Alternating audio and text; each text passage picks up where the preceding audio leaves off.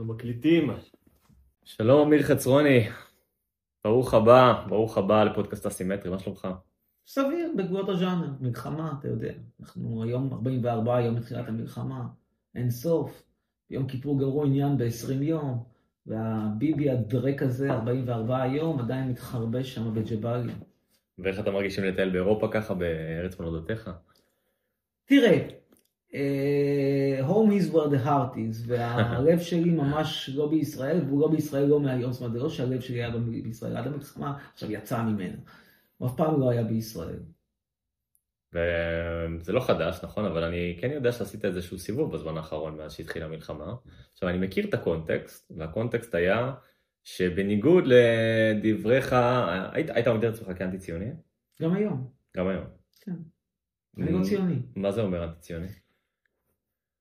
אולי המילה אנטי היא מילה כבדה, אבל אני לא ציוני, במובן שאני לא חושב שהפתרון האופטימלי לסו קולד הבעיה היהודית זה להקים מדינה באשקלון, אוקיי? אז לכן אני לא ציוני, והפתרון האופטימלי זה לא לקחת כל מיני אה, אה, נכדים לסבתא יהודייה שמחפשים אה, מכל מיני מדינות עולם שלישי, שמחפשים סידור עבודה וויזה, ולא הצליחו לקבל ויזה לגרמניה, ולא הצליחו לקבל ויזה אפילו לבולגריה, אז אגיד להם, יאללה, בואו תעל הון וניתן לכם דירה בחינם בנתניה. מבחינת אני אנטי ציוני, כן. אתה לא רואה צורך במדינה יהודית, או שאתה לא רואה צורך במדינה יהודית פה? אני חושב שהבחירה לא... בלוקיישן היא בחירה מאוד מאוד גרועה. האם יש צורך במדינה יהודית זו שאלה קצת יותר כבדה, שיש נקודות לכאן ולכאן. אני לא חושב אבל שהבחירה בארץ ישראל היא בחירה נכונה. ולגבי החלק הראשון, אני חושב שהעובדות והמספרים מעידים שהיותר מוצלחים בעם ישראל, יותר מוצלחים פשוט בפרמטים אובייקטיביים, יותר אה, עשירים, יותר אה, אה, בעלי מעמד וכן הלאה, פשוט לא בחרו לגור בישראל. אז אתה יודע, זה מסוג הדברים שעליהם פעם אמר לנין, האנשים הצביעו ברגליים. לפי מה אתה אומר את זה? אני לא מסכים. אני אומר את זה לפי זה שהיהודים שגרים במדינות כמו שווייץ, נורבגיה, במידה מסוימת, רבה, ארה"ב, קנדה וכן הלאה, לא עלו בהמוניהם לישראל. מי שעלו בהמוניהם לישראל זה יהודים במדינות כמו מרוקו, עיראק, אה, אוקראינה במידה רבה, אתיופיה, מדינות שהן, איך נאמר בעדינות, לא מהליגת, לא מליגת העל, לא מליגה א' וגם לא מליגה ב' של, ה, של העושר העולמי, בוא נגיד, הן לא היו עולות למונדיאל. אז אתה לא עולה למונדיאל, ואז יוצאים לך, כמו שאמרנו, ויזה עם דירה בנתניה מסובסדת, אתה הולך על זה. אבל שוב, יש לך את האופציה השוויצרית, אתה לא הולך על זה. תשמע, בוא נספר לך על זה משהו. לפני... אה, עשרים וכמה שנים, בסוף שנות התשעים, המדינה שאנחנו יושבים בה כרגע, גרמניה, עשתה ניסוי נורא נורא מעניין, די מוזר אגב בעיניי, אבל מאוד מעניין. והוא, אמרו בואו נחדש את הקהילה היהודית. עכשיו איך נחדש את הקהילה היהודית? אה, שערי ברית המועצות, זו הייתה כבר רוסיה, נפתחו, והייתה הגירה המונית משם לכיוון ישראל. אז אמרו בואו, יש המון המון יהודים שיוצאים, בואו נציע להם לבוא לגרמניה, ולהתאזרח ולבנות קהילה יהודית בגרמניה. עכשיו, למה אני אומר קצת מוזר? כי אתה, כאילו, הלכו יהודים גרמנים, דוברי גרמנית טובה, בלי מבטא, ואתה, הלכו בשואה, חבל מאוד, עצוב מאוד, ואתה מביא כל מיני כאלה שאין להם באמת שום קשר למקום הזה, למעט העובדה שיש להם סבתא יהודיה, אבל הגרמנים עשו את זה. ובאותם שנים שהם עשו את זה, בשנות ה-90, אז באמת אתה ראית שהייתה פתאום צניחה דרמטית במספרם של היהודים, מאוקר... בעיקר זה היה אוקראינה, העסק הזה, הניסוי הזה עבד עם אוקראינה בעיקר, אבל גם קצת עם מדינות אחרות שם, בנות, בנות חסותה של רוסיה, אבל בעיקר אוקראינה. אה, ואתה ראית צניחה גדולה מאוד של מספרם של היהודים שבאים ל... לישראל, לטובת כאלה שעברו להגר לגרמניה. למה? כי כשיהודי מקייב, או מלבוב, או מכל, אפילו מכפר באוקראינה, יש לו את האופציה פתאום לעבור לברלין, או לשטוטגרד, ולא לנתניה, אז הוא לא בוחר בנתניה. כלומר, הבחירה בנתניה היא לא בחירה טבעית, היא בחירה כשאין לך אופציה יותר טובה. האם נתניה עדיפה על אוקראינה? כן, נתניה עדיפה על אוקראינה, נתניה גם עדיפה על אתיופיה, נתניה גם עדיפה על המערות בהרי האטלס, אבל נתניה לא עדיפה על שוויצריה, ונתניה לא עדיפה על גרמניה, ונתניה לא עדיפה על, על מרביתה של אירופה. אז בגלל זה אתה חושב שאנשים, לא בגלל ציונות, לא בגלל איזה משהו שאולי הוא משהו שהוא מעבר לשכל, מעבר לשיקולים? שהם כאלה טכניים?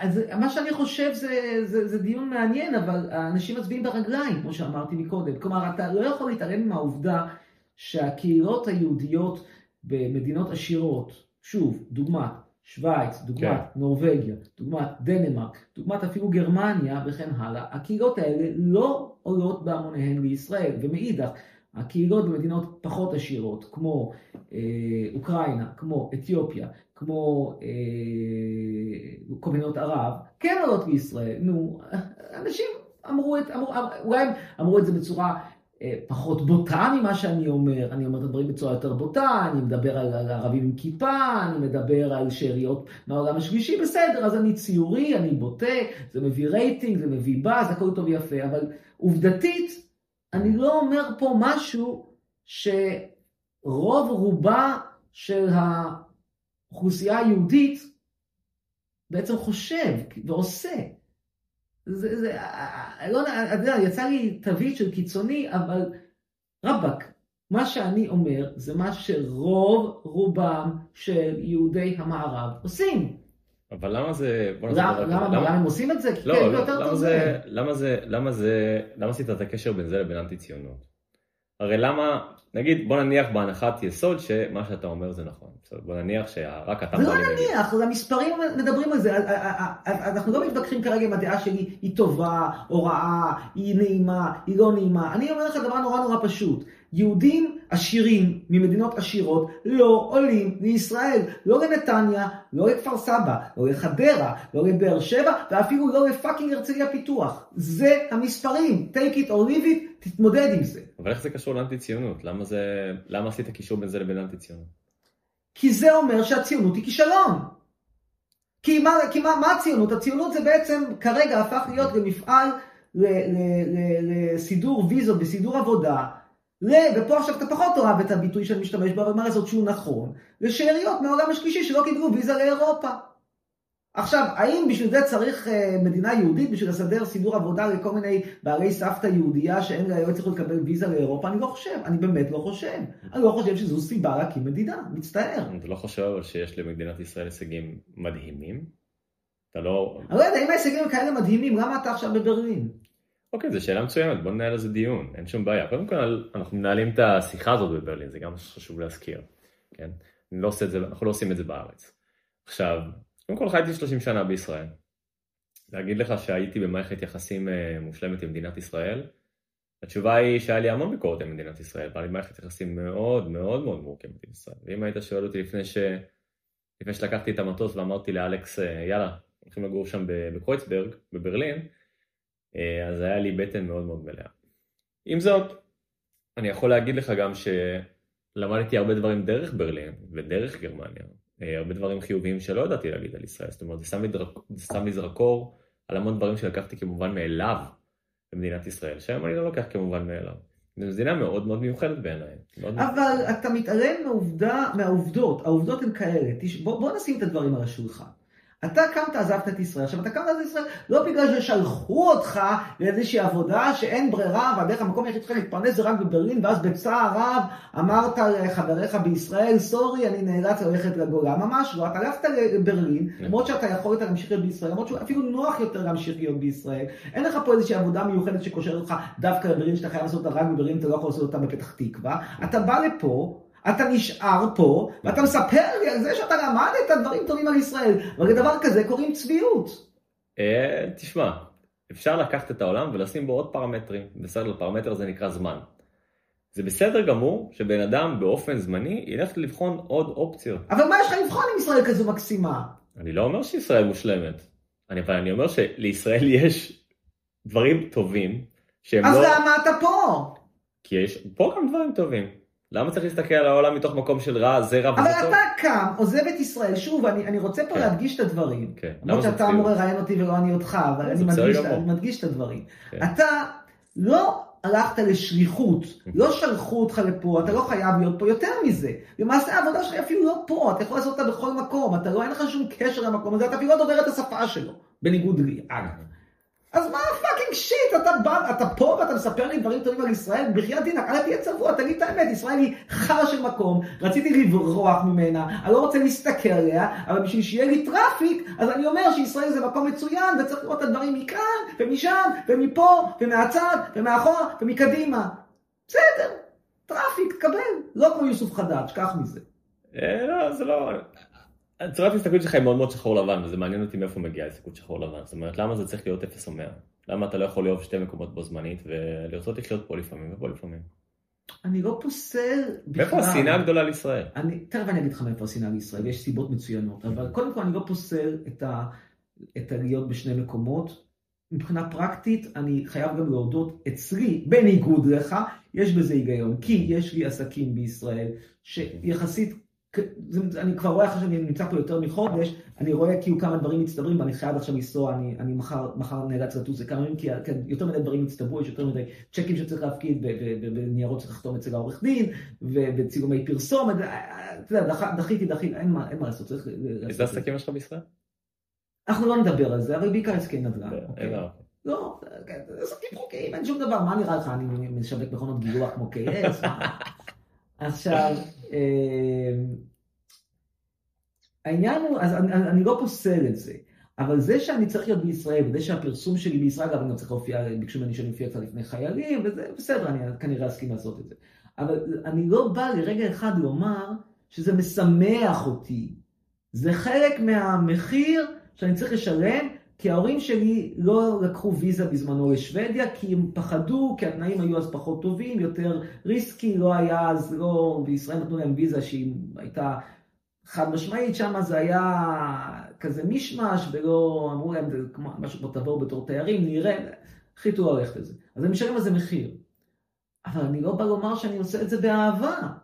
אין לי אהבה לישראל, שום אהבה אין לי לישראל, כלום, נאדה. אתה שואל למה אני, מה הופך אותי להיות ציוני? זה שאני לא אוהב את ישראל למשל. מה שהופך אותי, שואל אותי למה. לא, אז למה אתה חי בישראל? החוק הראשון של ניוטון, חוק הגרביטציה. ש? הברירת מחדל של, של כל גוף, מבטריה אה, ועד לזוכה פרס נובל לשלום, הברירת מחדל זה להיות במקום קבוע ולא לזוז. התזוזה היא לא דבר טבעי. ובשביל לא שאני אזיז אותך לברלין, כן. היה צריך לקרות כל מיני דברים, לא יודע מה קרה. אולי השכר דירה שלך בפלורנטין רצו להעלות אותו, אולי אה, אה, מישהו תקף אותך ברחוב, לא יודע מה הזיז אותך ספציפית, אבל אני מניח ש, ש, ש, שקרה משהו ששינה את הסטטוס קוו. הסטטוס קוו הוא, הוא הברירת מחדל. יש המון מחקרים שמראים את זה. בעסקים, זאת אומרת, הברירת מחדל שלנו תמיד זה לא לעבור דירה, ולא לקנות משהו, למכור ולקנות משהו חדש וזה, זה צריך להיות משהו שדוחף אותנו לעשות את זה. זאת אומרת, בדרך כלל אתה מוכר, מחליף אוטו, או כי העבודה החליפה לך את האוטו וזה, או כי האוטו שלך התחיל להתקלקל, ואתה אומר, טוב, אין ברירה, אז מחליפים אותו. זה לא בא לי בטבעי, סתם ככה בשביל הש... אלא אם כן אתה מוכר את אינטר, אז אולי כן. כן. אז אתה אומר שגם אם אה, בעצם, גם אם באירופה יכול להיות לך יותר טוב, וגם אם שאתה רוצה לעזוב, אז יש את החוק הראשון של ניוטון, שאומר שכנראה שאתה לא תעשה את זה, כי אתה צריך להיות מאוד אקטיבי כדי לעשות את זה. נכון? כמו מזכיר קצת, אתה יודע, את הקטע שב... אה, בליגת האלופות בכדורגל, כן. אם אני זוכר נכון, ב... כאשר יש שתי קבוצות, לפחות בשלבים המוקדמים, שתי קבוצות שמשחקות אחת בשנייה ומגיעות פעמיים לתיקו, אז שער חוץ נחשב... יותר משער חוץ. ביטלו כן. את זה אבל כן. אה, ביטלו את זה? ביטלו את זה. אז מה עכשיו עושים פנדלים?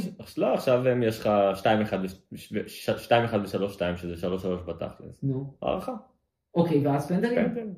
אוקיי, אבל הפנדלים זה לא פייר, כי הפנדלים הם במגרש של הקבוצה שבה היה המשחק השני. בסדר, החיים לא פייר. אתה צודק.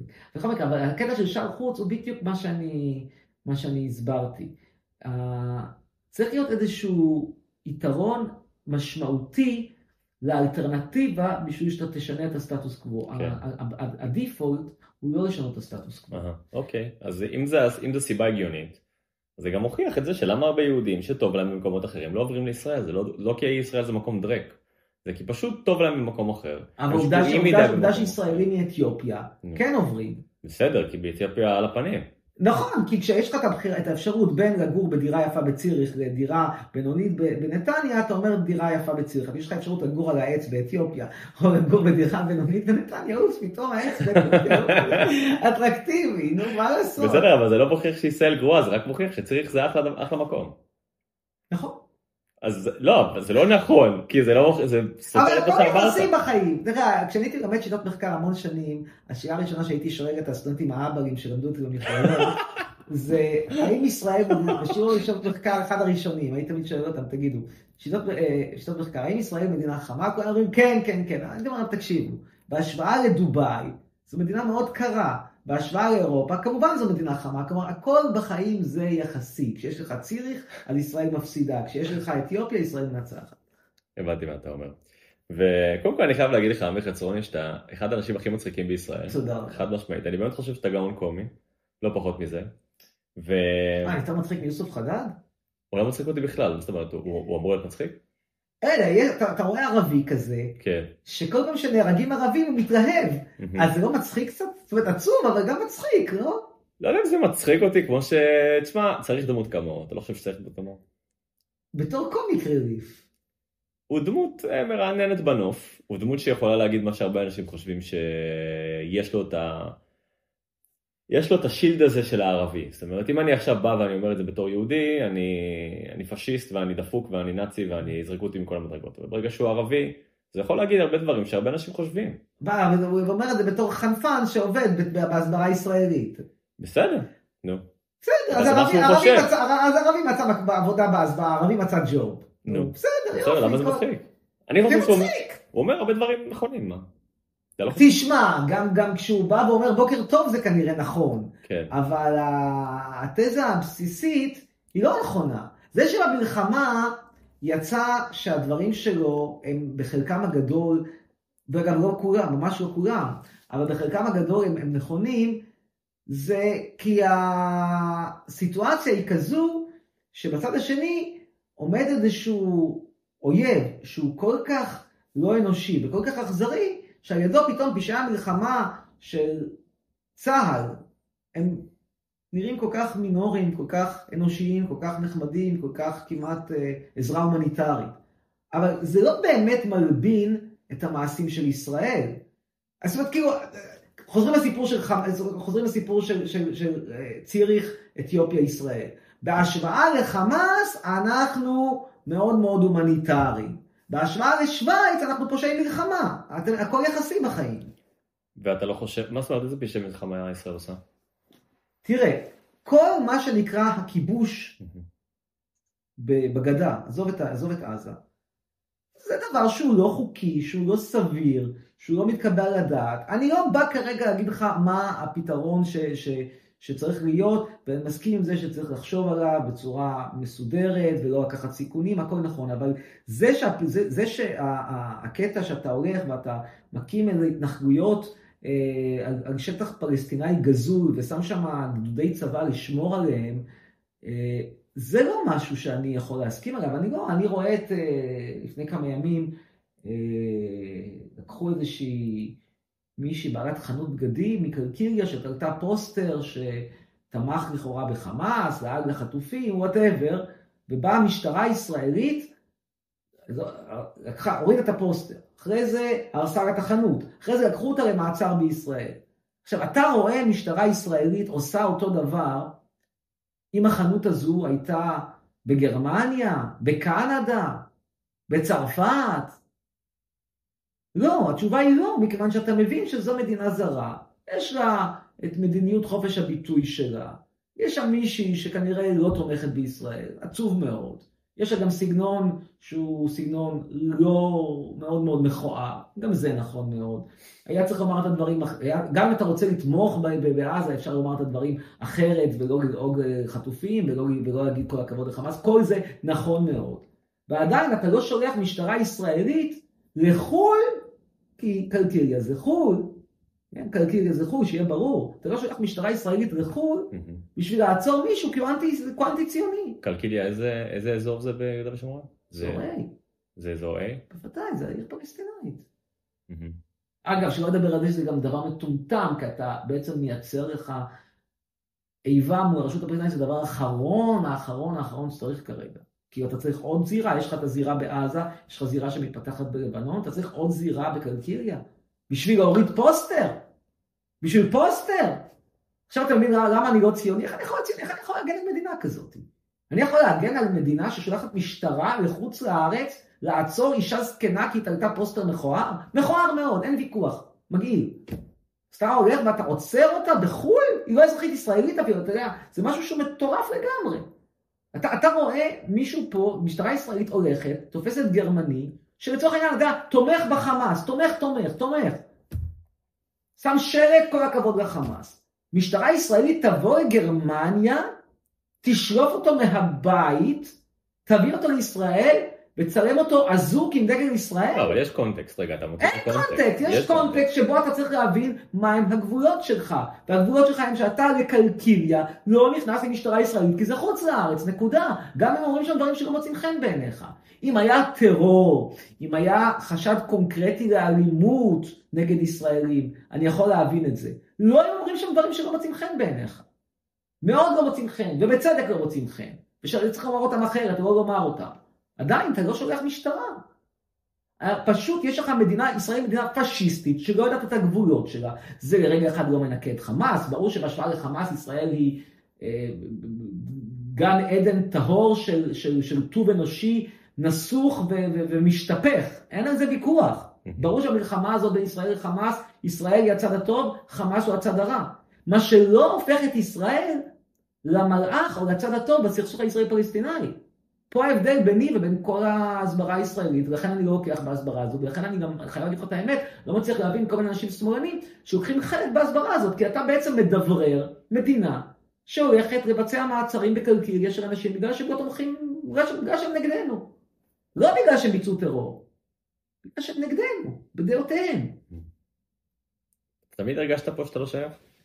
לי זה נשמע שהרגשת פה תמיד שאתה לא שייך. כן. ומתי הבנת שאתה לא שייך? מגיל מאוד צעיר, מכיוון שמגיל מאוד מאוד צעיר היה לי ברור שהמדינה הזאת הולכת למקומות שאני לא הולך אליהם. עכשיו, תוסיף על זה, זאת אומרת, פשוט בכלל פוליטית, כן, מלחמת לבנון הראשונה. אה, אני זוכר את עצמי בגיל 12-13 מתנגד למלחמה הזאת. חשבתי שהרעיון של סדר חדש בלבנון הוא רעיון מטורף. אגב, גם הרעיון של סדר חדש בעזה מעבר לגירוש חמאס, כן, אנחנו נפנה, נפנה, נגרש את חמאס, אחרי זה נפנה את האוכלוסייה למצרים, ואנחנו אז נפתח שם כפר נופש, ו-KS יפתח, יפתח חנות למכונות גילוח, זה רעיון אימפריאליסטי מופרע. ואני מאוד מקווה שאם וכאשר נגיע לרעיונות האלה, ועם הממשלה הנוכחית אפשר להגיע אליהם די בקלות, מאוד מקווה שאנשים יתנגדו להם. שוב, מלחמה מוצדקת בגבולות המאוד ברורים של לסרק את חמאס. לא בגבולות של לפתור את הבעיה הפלסטינאית על ידי נכבה, לא בגבולות של להרוס אה, את הבתים של הפלסטינאים לשם ההרס, לא בגבולות של נקמה לשם נקמה, לא בגבולות של אה, לשנות את הדמוגרפיה ולהעלות אנשים על, אה, על אוניות, על משאיות, כל, כל מיני רעיונות מטורפים כאלה. לא, פשוט לא. יותר מזה, מה שחמאס עשה זה דבר מזעזע. מזעזע.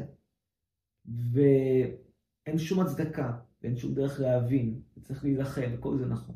אחרי שאמרתי את כל זה, אנחנו לא צריכים לשכוח שבעזה גרים צאצאים של מי שאנחנו גירשנו מאשקלון. שוב, זה לא מקנה להם את הזכות לבוא ולשחוט. לא מקנה. לא מקנה. לא מקנה, לא מלבין את הפשעים שלהם, שום דבר.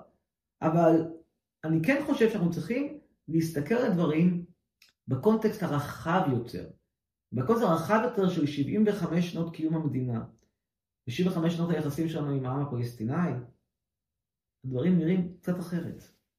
מה זה אומר נראה קצת אחרת? בוא ניתן לך משהו, אתה שאלת אותי לפני, בתחילת ה... לפני, לפני ההקלטה, שאלת אותי רגע מה זה שם משפחה שלך?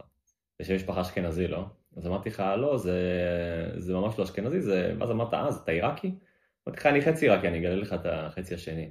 אז אמרת, אז אמרת לי, מה זה? אז אמרתי לך, יותר גרוע מעיראקי, כי צחקת על זה שאני עיראקי. אז uh, החצי השני שלי הוא פלסטיני. מה זאת אומרת? כן, פלסטינאי. פלסטינאי הכי פלסטינאי שיכול להיות. כלומר, אתה חצי ערבי. כן, חצי ערבי. אני, תכלס אני ערבי שלם, אני פשוט חצי ערבי יהודי וחצי ערבי אסלאמי. רגע, אז מאיפה המשפחה? אז החצי הפלסטינאי הוא מכפר שנקרא מיסקה. הכפר הזה זה כפר שפינו אותו בקום המדינה. איפה, איך אתה אומר עוד פעם? מיסקה. איפה זה? אני חושב כאילו שזה... שיש שם מאות כפרים כאלה. כן, אני חושב שזה היה באזור הגליל, משהו כזה. אוקיי. אה, ופינו אותו ב-48. וסבתא שלי היא בעצם גורשה לטירה. טירה, לא יודע אם אתם מכירים. רגע, טירה, שנייה, יש כל מיני טירות. כן. גורשה לטירה של כפר סבא או לטירה של, של אה, ליד, ליד חיפה? איזה טירה? אני חושב שטירה ליד חיפה, אני חושב. אבל אה, טירה יש בעיה, טירה ליד חיפה זה היה מרכזם של גדולי הפושעים הפלסטינאים, לא פושעים לאומנים, סתם, סתם גנבי מכוניות. לכן זוכר אפילו גנבי מכוניות יהודים. אבל אה, משם אחרי זה גירשו אותם גם כן, אז אני לא יודע לאן הם בסוף. כאילו אתה, כי אני יודע שלטירה ליד כפר סבא הגיעו באמת לא מעט ערבים, אבל ערבים ממישור החוף, מאזור רעננה, מסידניאלי, לא ידעו. זהו, אני, אני לא יודע להגיד לך איזה טירה, כי אני לא בקשר איתם, אבל אני יודע להגיד לך שהיום המשפחה של סבתא שלי. הם גרים בטירה היום. עכשיו איזה טירה אני לא יודע, זו שאלה טובה. אבל איך אתה לא לא בקשר? אה, אין לי יותר מדי קשר לצד הפלסטיני שלי. אז מי התחתן שם יהודי? אז זו שאלה מצוינת. אז uh, הסיפור הוא סיפור די אדיר. Uh, סבתא שלי, אותה ילדה שגורשה, אז היא הייתה הבת של המוכתור של הכפר. שזה, מי שמכיר, מוכתור זה מישהו... מוכתר. ה... מוכתר, כן. כן. הוא. באסלאם זה מי שמסדר אה, הרבה מהסכסוכים בתוך הכפר וכולי, הוא... אה, זה, זה קטע דתי כזה לפי החוקים של ה... איך קוראים לזה? שיעה? שריעה. שריר. לפי השפריה. אה, וסבא שלי, סבא שלי שמצד אותו, מאותו הצד, הוא היה חייל בצבא הבריטי. ואז באיזשהו שלב, לפני קום המדינה, הוא ערק להגנה. ולפני ש... ובזמן שהוא ערק להגנה, הצבא הבריטי ניסה לרדוף אותו וניסה ניסה לתלות אותו. רק להגנה בתור ערבי? כן. למה? זה, זה רק אלוהים יודע, אני לא דיברתי איתו על זה. אתה הכרת אותו? לא, Mm. הוא מת לפני שאני שאני לא. זה דברים שגם התגלו, הרבה מהדברים האלה התגלו אחרי שהוא כאילו נפטר. אה, ו- והצבא הבריטי רצה לתלות אותו, מן הסתם, אה, על בגידה. אז מה, מה עשו איתו? הוא הלך והתערבב בסביבה חרדית, ועברת את השם שלו משם ערבי לחלוטין, קפקזי, מוסלמי קפקזי, הוא התאסלם, לא, הוא אה, התעברת לשמעון כהן. אז אתה לא כהן אבל. לא, כהן. לא, אני לא כהן, ברור שלא. עכשיו, אה, אה, סיפור גדול וזה, בסוף הוא הכיר את סבתא שלי, שאיכשהו דרך ה... הוא עבד ב... הוא היה שירת בהגנה, הכיר אותה דרך אחד הכפרים שהם השתלטו שם וכולי, ו-happy never after. אה, רגע. אבל הוא היה רווק. לא הייתה לו אישה ערבייה? הוא היה רווק. אני חושב, כנראה. והמשפחה שלו קיימת עדיין בישראל, בטירה, לדעתך? לא מכיר אותה. אה, אני יודע להגיד לך שהמשפחה של סבתא שלי קיימת בטירה. אבל אני לא יודע להגיד לך לגבי המשפחה שלו. מה זה, סבתא זה אותו... זה אשתו, לא? כן. נו, אז זה הוא, אז זה משפחה של... לא, אבל המשפחה המקורית שלו, אני לא יודע מה איתם, אני יודע שהמשפחה המקורית שלה, היא- הם גרים בטירה. אבל למה, היא יהודייה, אז איך הגיעו לא, לטירה? הם לא יהודים, שניהם מוסלמים. אז איך אתה נהיית יהודי? זו שאלה מצוינת. רגע, זה שהסיפור לא נגמר. כן, הסיפור עוד לא התחיל. ואז, אה, ואז הם בעצם התחתנו, הם הביאו כמה ילדים. עכשיו עזבו, היה... רגע, והוא קורא לעצמו שמעון כהן בעודו ערבי. כן. בטירה. הוא לא, לא, הם לא, הוא לא גר בטירה. המשפחה המקורית של סבתא שלי גרה בטירה. אוקיי. הוא לקח אותה והם עזבו למקום אחר. בתכלס הם, הם, אה, הם היו בשדה בוקר, איפה שהיה בן גוריון. אוקיי, לכן דרך ארוכה עשו. כן, דרך מאוד מאוד ארוכה. עכשיו, כנראה שהיה שם איזשהו תפקיד בכיר, אמא שלי מספרת שהוא היה שם במשהו שקשור ל... הוא גם היה בארגון השומרים, אם אתה מכיר. לא יכול להיות. השומר היה מלחמת העולם הראשונה, הסבא זה לא, הסבא זה, אנחנו מדברים על סבא ש, שהוא בשנות ה-40-50, איך, איך פתאום שומר? לא יודע, זה מה שאמרו לי, שהוא היה חלק מארגון השומר, או שומרים, משהו כזה. אה, והוא היה, הם היו באותו אזור של בן גוריון, הם כאילו באמת הכירו את אשתו וזה. ואז סבתא שלי, בן אדם פה גדול, בסדר? היא לא, והיא לא הייתה יותר מדי ציונית וכדומה, זה לא בדיוק התאים שהיא תהיה שם. אז בסוף הם עברו לרעננה וזה, משהו כאילו בסוף הזה, שם, שם גילו את הילדים שלהם, את החמישה ילדים.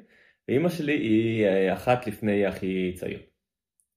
אבל היא מוסלמית. נכון, היא מוסלמית. ואז היא הכירה את אבא שלי, וכשהם התחתנו שהם היו בני 32-3 משהו כזה. וכשאני הייתי בן 10, אמא שלי החליטה שאנחנו צריכים לעבור גיור. אבל למה? היא הייתה מוסלמית. נכון. אז למה היא רצתה לגייר אותך? כי גם זה אומר שאני מוסלמי. מה אכפת לה? שאלה מצוינת, שאלה מצוינת. פה כבר יש את מי לשאול, פה זה כבר לא דור של סבא. לא, זו שאלה מצוינת, אבל התשובה... אני לא בקשר עם אמא שלי מסיבות כאלה ואחרות, אבל... בוודאי, אם האמא שלי הייתה עושה לי דבר כזה, אני הייתי מדבר איתה. זה בהחלט היה סיוט, בהחלט היה סיוט. היא התגיירה בעצמה גם? כן, כן, כן. היא גם התגיירה בעצמה. למה החליטה... אבל רגע, היה מישהו, אבא שלך שהסכים להתחתן איתך חרף היותה מוסלמית. כן, התחתן איתה שהייתה מוסלמית, כן. איך הם התחתנו בכלל? זה שהם התחתנו לא בישראל, התחתנו אה. בקפריסין, בחתונה אזרחית. עכשיו, תראה, ביני לבין עצמי, אני עדיין, גם שאלתי את אבא שלי, על מה דיברתם בכלל? אתם כל כך לא מתאימים, כאילו. אתם האנשים הכי לא מתאימים שאני מכיר. אין שום קשר בין אבא שלי לאמא שלי. כל תפיסות העולם שלהם לא תופסות. אבא שלי מצביע על הליכוד, אמא שלי מצביעה על הערבים. אמרת שהתגיירה. כן, אבל זה לא... אמא שלי קופצת בין דתות כזה, היא היום בכלל באיזה כת, עזוב, היא... כת? כן. אמא שלי מחפשת האידנטיטי. אמא שלי בן אדם חסר האידנטיטי, שכל הזמן קופץ בין האידנטיטי וכל הזמן מחפשת מאיפה היא מגיעה. אז אה, יהדות זה היה פייס ב... רגע, אבל למה אתה שירת בצבא? אה, בגלל שכבר היית יהודי, לא יכולת להתחמק משירות צבאי. האמת שאני גם שואל את עצמי, איך הם לא, איך הם אף פעם לא כאילו בדקו את זה. לא, כי אתה יהודי, מה הבעיה? זה כמו לוסי. מה זה, מי זה לוסי? לוסי איוב. היא בת לאבא נוצרי, כן. אימא יהודייה, ולכן היא שירתה בצבא. אהה, הבנתי. אני לא יודע, הם פשוט זימנו אותי. זיכרוני, אני... אה, שוב, לא, זה שאחד שם הוא יהודי ואחד נוצרי, אין איזה ויכוח, אבל אני מניח שהאימא כן. פה יקובה. זהו, אז אני לא יודע. כן, כן, לא, האימא, זה גם נורא, לא, זה גם נורא הגיוני, כי תמיד ה... תמיד ה... לא תמיד, אבל בדרך כלל הגבר הוא הצד הלא יהודי שלוקח את היהודייה ומשנה אותה, כאילו, זה נדיר יותר שזה קורה, אגב, גם אצלך במשפחה זה ככה. כן. נדיר יותר שזה קורה הפוך. תראה, האמת שהם עשו את זה, גם, היא עשתה את זה גם אחרי שהם התגרשו, שזה בכלל מוזר. אז uh, היא עשתה את זה על דעת עצמה, זה אפילו לא קשור לגבר כביכול במרכאות. היא הייתה במשבר האידנטיטי, שיאמם לה בחיים, הייתה בדיכאון. Uh, והחליטה שהיא עושה... ואתה מחובר למורשת הפלסטינאית? אפס מעשר בערך, פחות או יותר כלום. אני הרבה, יותר, מוכ... אני הרבה יותר מרגיש יהודי ממה שאני מרגיש. רגע, אבל היית אי פעם, היית מתפללים במסגד, משהו, לא, רמדאן? אני לא יודע מילה בערבית, לא. הקשר ביני לבין ערבית הוא תיאורטי לחלוטין. אני גדלתי בתל אביב, כאילו, גדלתי בנווה שרת. אתה מכיר. כן, הרבה עבריינים יצאו משם. המיטב של המיטב. חופשי, חופשי. רובם, רובם, רובם באמת יהודים. חופשי, יהודים כל ה... די ערבים, אבל כן. כל השכונה שלי היו זונות, נרקומנים, וגנבים, או אתה יודע, היה הרבה ריבים, מה שנקרא. היה לנו שכן אחד שהוא היה יוצא ונכנס מהכלא. והוא כל ערב היה משתכר, שם את ה... איך קוראים לזה? את המיקרופון, לא, את הרמקול העצום שלו על החלון, כמו שזה שמביאים לים הערסים, שם אותו על החלון ומתחיל לשיר במזרחית. עכשיו כל השכונה שומעת, אני מדבר איתך כאילו קילומטר קדימה, וזה זה, זה, זה הבן אדם, כאילו, וזה כל השכנים שלך, ו... מקום מאוד מוזר, מקום מאוד מוזר. שמה שמצחיק, שאם אתה הולך היום לנווה שרת, אתה תקבל את הרושם כאילו מדובר בשכונת יוקרה. כי כל הפכו את זה לאיזושהי רמת אביב ג' כזאת חדשה. אבל עדיין יש שם את השאריות של כל השיכונים. לא, אני זוכר את השיכונים, השיכונים קיימים לגמרי. יש עדיין בהתחלה של השכונה, איפשהו מסתתרים, אבל יש שם הרבה מגדלים כאלה של פינוי-בינוי, שזה נראה... אבל מגדלים של פינוי-בינוי זה, זה, זה מונחים, אפרופו מדברים על אירופה, mm. זה כולה דירות, דירות קבלן סטנדרטיות, אה, עם אה, אפס, אפס, אה, אחוז, כאילו, נורא נורא יקרות. המחיר שלהם הוא יחסית מופקע, כי המחיר של הקרקע הוא אפסי, למה הוא אפסי? כי אם יש לך, גם אם הקרקע היא נורא נורא יקרה, אבל כשהיא מתחלקת על פני 100 דירות, אז למעשה המחיר של הקרקע מופקע. אז סתם דוחפים לך שם על ה... על הפסיליטיז ועל השואו-אוף של אני גר במגדל, אתה משלם טונות של כסף. אם כבר, תגור בבית קרקע. אבל רגע, איך הגעת, איך כל זה הביא אותך לברלין? אז שאלה מצוינת. אז uh, תראה, בסופו של דבר גם ידעתי שישראל, uh, קודם כל ידעתי בתל אביב כל החיים, אז uh, באיזשהו מקום מיציתי, כן. ואני להגיד לך שעכשיו תמיד הרגשתי שאני ישראלי בבשר, אתה יודע, מ-0 עד 100, ידעתי שאני רוצה קצת לחוות תרבויות אחרות, וברלין הציע לי המון, הציע לי המון. באתי לבקר פה הרבה פעמים, זו עיר מאוד מאוד כיפית. אבל אין לך, אבל לא באת לפה לעבודה, למה דווקא, ההיגיון בא ואומר שבן אדם עובר או לעבודה, או כי משהו נורא נורא זול. אז אם היית הולך לי לעבור, אני יודע, לאתונה, אתונה היא נורא נורא זולה. או עם עבודה, לא עבודה איפה, ש, איפה שלא תקבל, אבל ללכת לעיר שהיא לא הכי זולה, אין לך עבודה, גם לא שפה שאתה מדבר אותה, מה, תשכנע אותי. החיים פה יפים. יש פה הרבה אנשים מאוד מעניינים, עיר מאוד צעירה, עיר מאוד תוססת. יש פה בילויים מפה ועד הודעה חדשה, כל מה שאתה רוצה לעשות, מתי שאתה רוצה לעשות ועם מי שאתה רוצה לעשות. מאוד מאוד קל להכיר פה אנשים.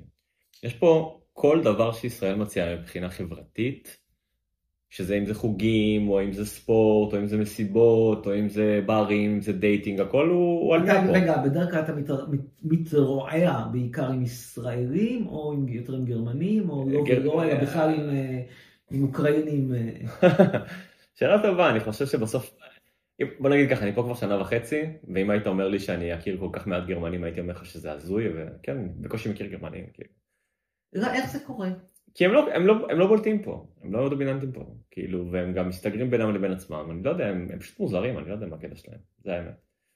אה, ודווקא אנשים, אה, דווקא, מת... אבל זה עיר מאוד מאוד, זה מאוד בינלאומית, זאת אומרת, יש פה מכולם, מכל מקום. אז רגע, חברים שלך רובם ישראלים? חברים, אה, אתה לא אתה מגדיר חברים. מכיר פה לא מעט אנשים, לא יודע אם חברים זה המילה, רובם, אני חושב שרובם ישראלים, כן. מעניין. שזה, שזה לא מה שציפיתי אגב, כי היה לי קצת כזה, I, I was fed up, כאילו, עם ישראל. כי אמרתי, טוב, מה, אני בא לפה בשביל החבר שלי ישראלים? מה מסתבר? מסתבר ש... מסתבר שאתה מגלה את זה שאתה ישראלי אחרי הכל. ושישראלים זה דבר, אה, בסך הכל דבר די חיובי. אני אספר לך על זה משהו. Yeah.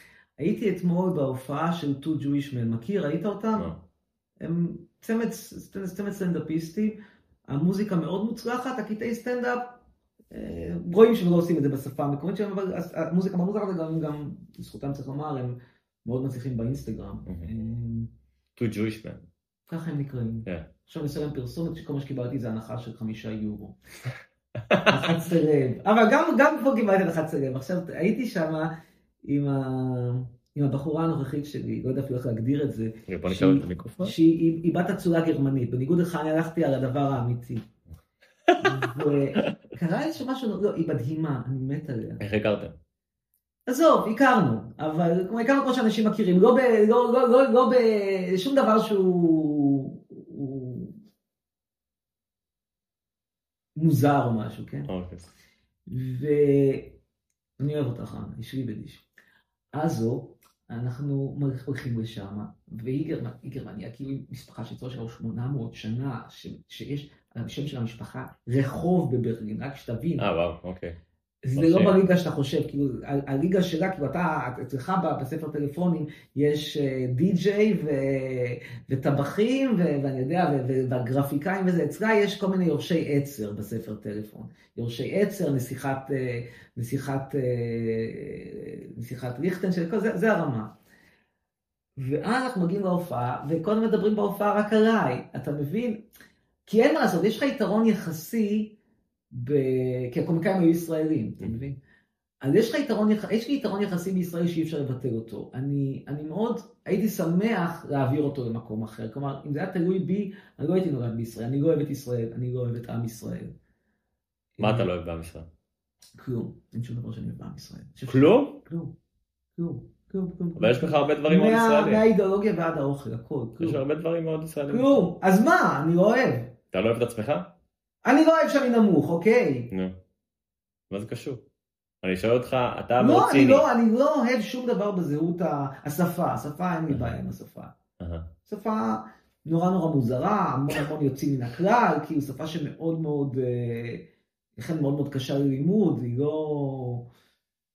הכי פחות, מהפחות לוגיות, בוא נגיד, שבין השפות, אבל... אה, מה, מה, מה, מה פחות לוגי בעברית? כמות היוצאים מן הכלל. מה יוצא מן הכלל?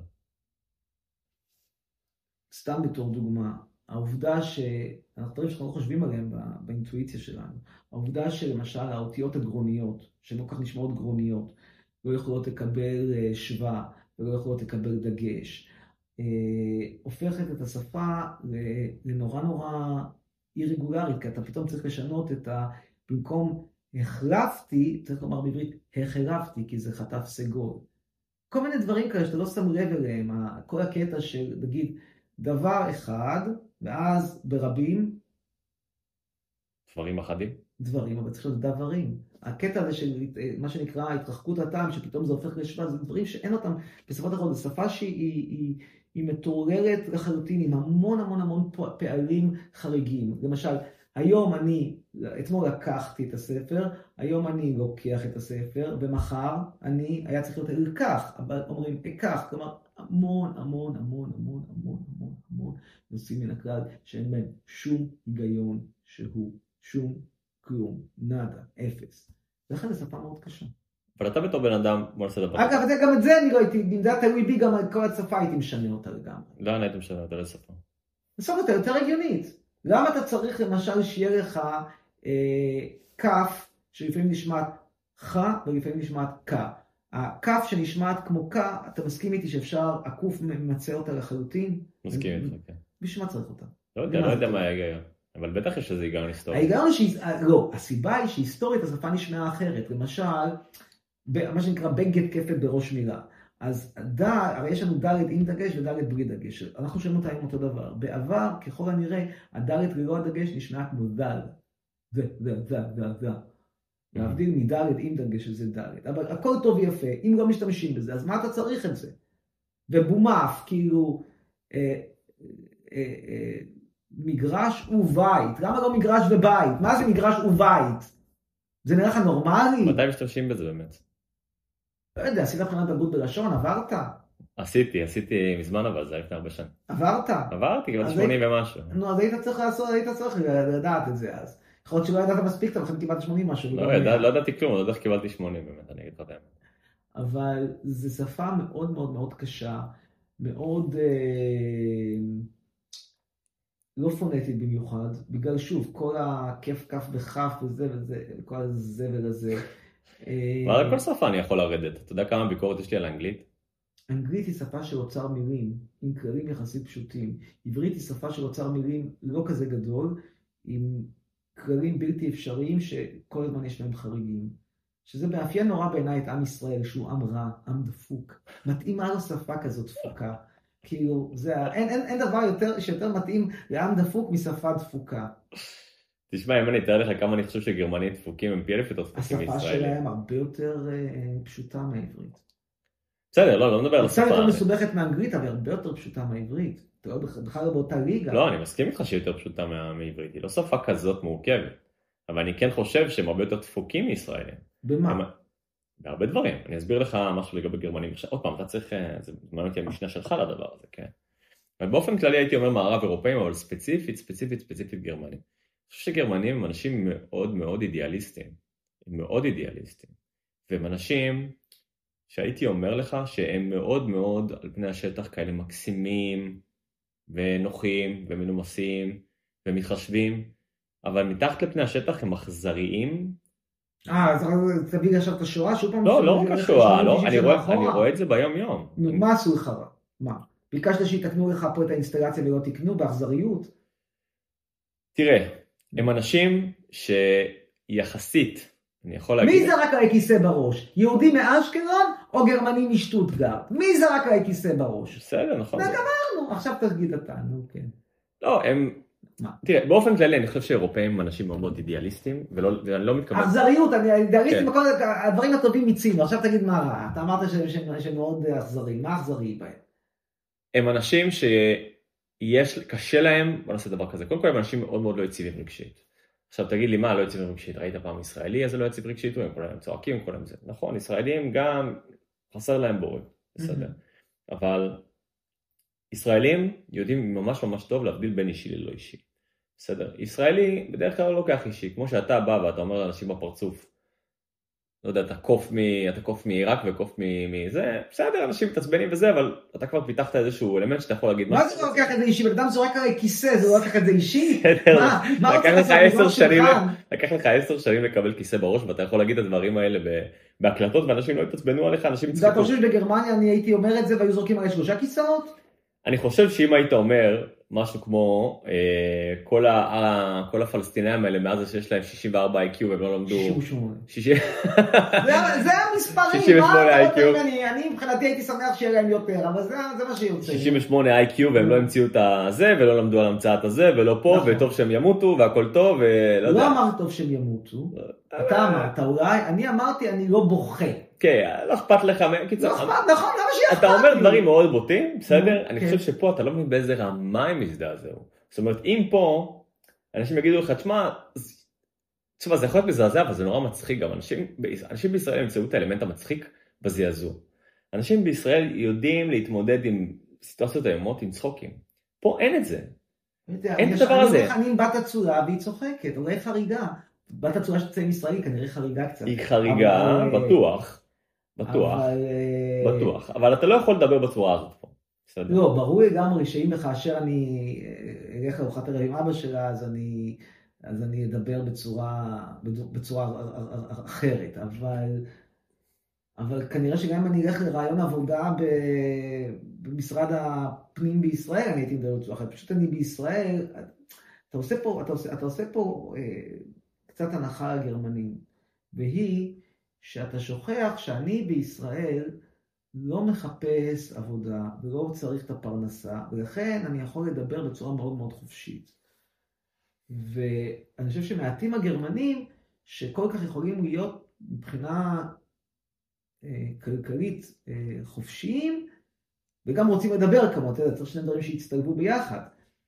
אה, ואז אתה היית יכול להגיד, אה, הנה, באמת גרמניה יותר גרועה מישראל. אבל זו חוכמה נורא קטנה לקחת מישהו שהוא לגמרי יכול לדבר בחופשיות בישראל, ולהשוות את זה לאיזשהו ביהמטה גרמני, שאם הוא ידבר ככה, אז אה, יפטרו אותו, ולא יהיה לו כסף לשלם את השכר דירה.